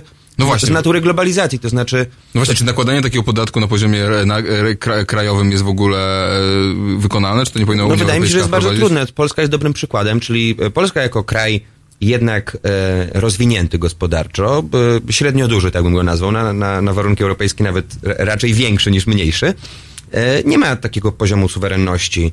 E, I to nie jest zarzut pod kątem tej czy innej władzy. Po prostu nie mamy tego poziomu suwerenności, który by sprawił, że polski premier albo polski minister występując do, do, do szefa Facebooka, e, ma jakąś mocną pozycję, tak? E, i Czy to- Google, bo rozumiem, Czy Google, a które czy Amazonu. czy które korporacje właśnie są e, głównym obiektem, że tak powiem, e, tego podatku? Znaczy, sk- to jest właśnie Facebook, Amazon. Myślę, że e, Facebook i Amazon byłby najbardziej, najbardziej dotknięty. No Google, Google pośrednio też, ale, ale Google, Google przede wszystkim z powodu tych wpływów reklamowych. Mhm. Em, ale jeżeli, jeżeli chodzi o te usługi, usługi Google'a, no to przede wszystkim ten zysk jest, przede wszystkim ten zysk obok jakichś wyspecjalizowanych kontraktów, to właśnie zasadza się na, na sprzedawaniu reklam, Mhm. pozycjonowania i, i tak dalej. Facebook działa trochę podobnie, aczkolwiek Facebook no, osiąga także bardzo duży zysk po prostu ze sprzedawania naszych danych. Mhm. Em, e, do czego, do czego jakby, do czego ma, ma, ma, ma ku czemu możliwości. E, No ale tutaj jakby pomysł na podatek e, e, cyfrowy, który byłby podatkiem no, pośrednim, tak jak VAT, znaczy to byłby jakaś ułamkowa, ułamkowa część zysku czerpana z obrotu, znaczy ułamkowa część obrotu, która byłaby ściągana w momencie e, e, aktu e, no, obrotu gospodarczego. Nie to zysku. nie jest nie, nie zysku, nie jest No taki tak, podatek czyli taki jak podatek PIT, tylko raczej jak VAT, tak, Mhm. pośredni.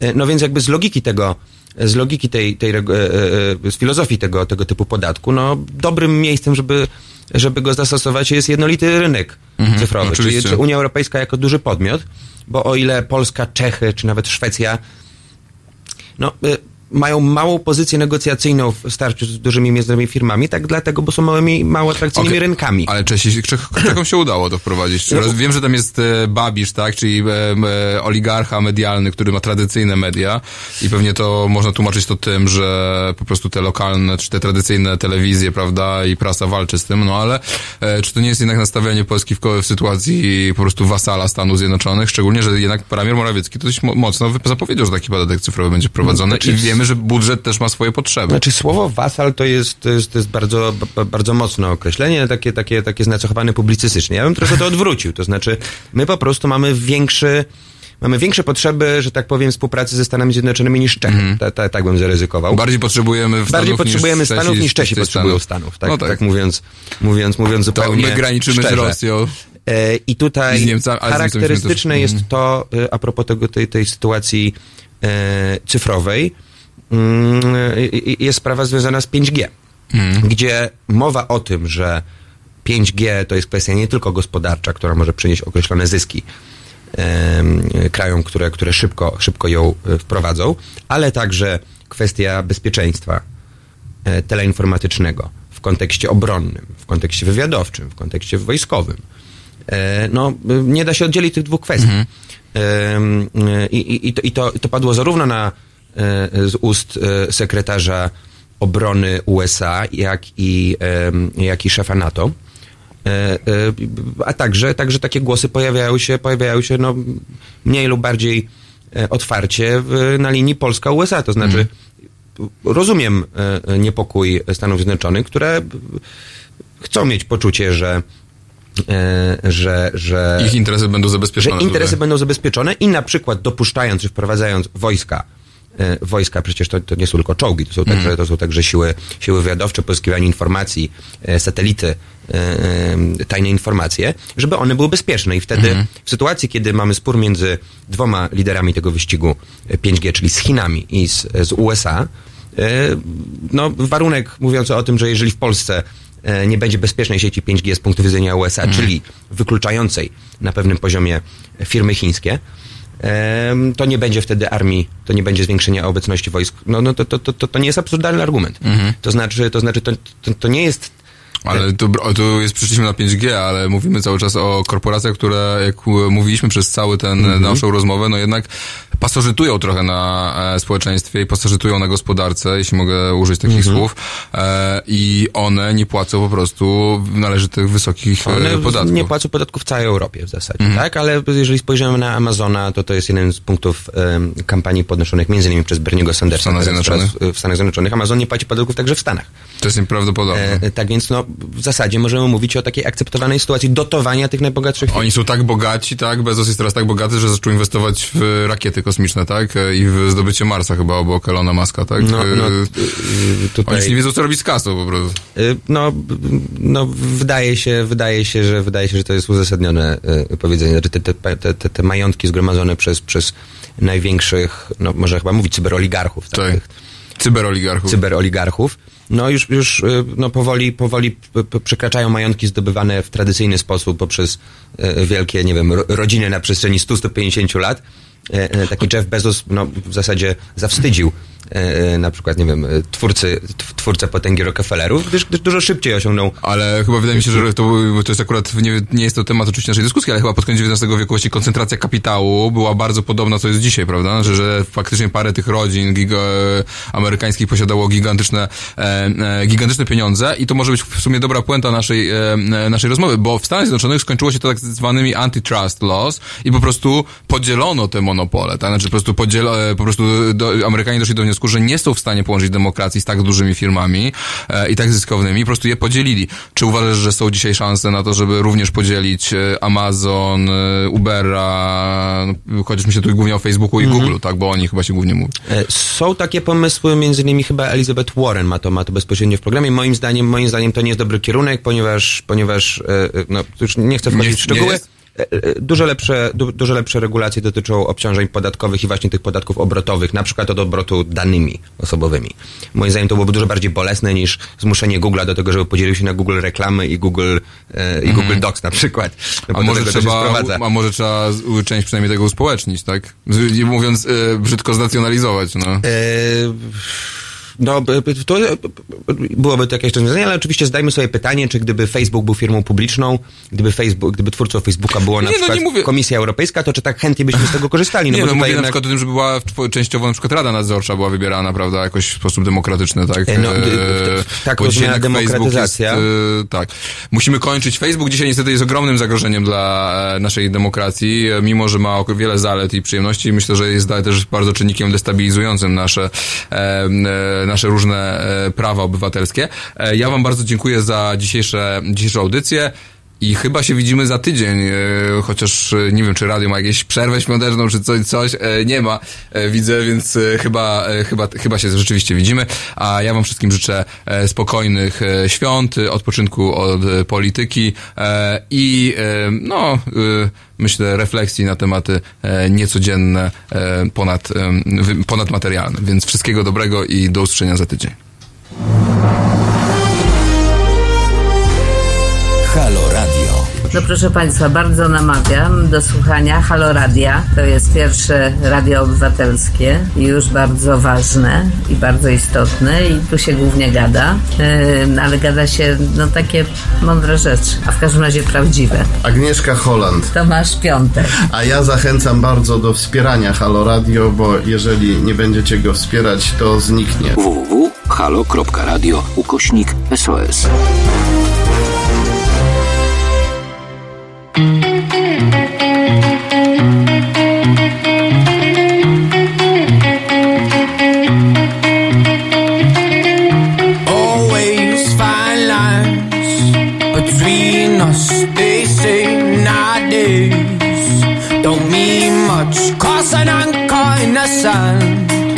What we did. But my ship set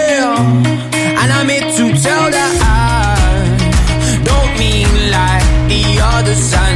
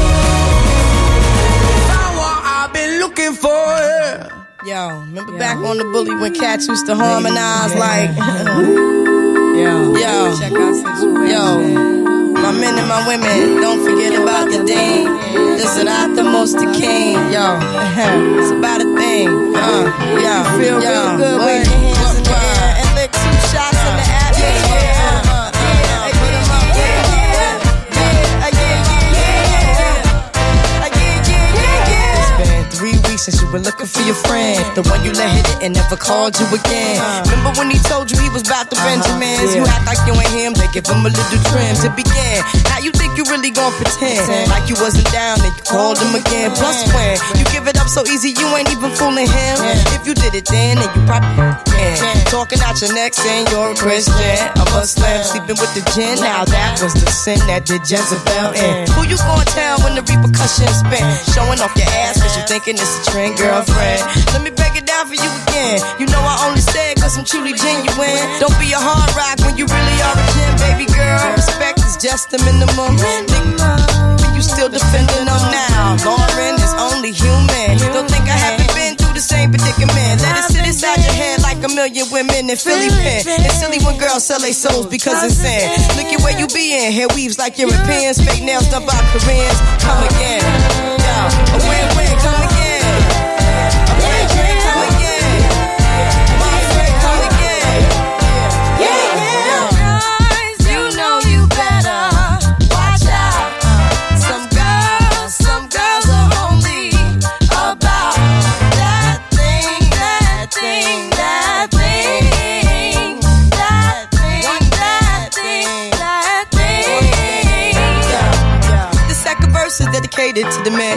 Concerned with his rims and his Timbs and his women. Him and his man come in the club like hooligans. Don't care who they your fan, Papa Yang. you got Let's not pretend. The one that pack pissed out by the waist, man, crissed out by the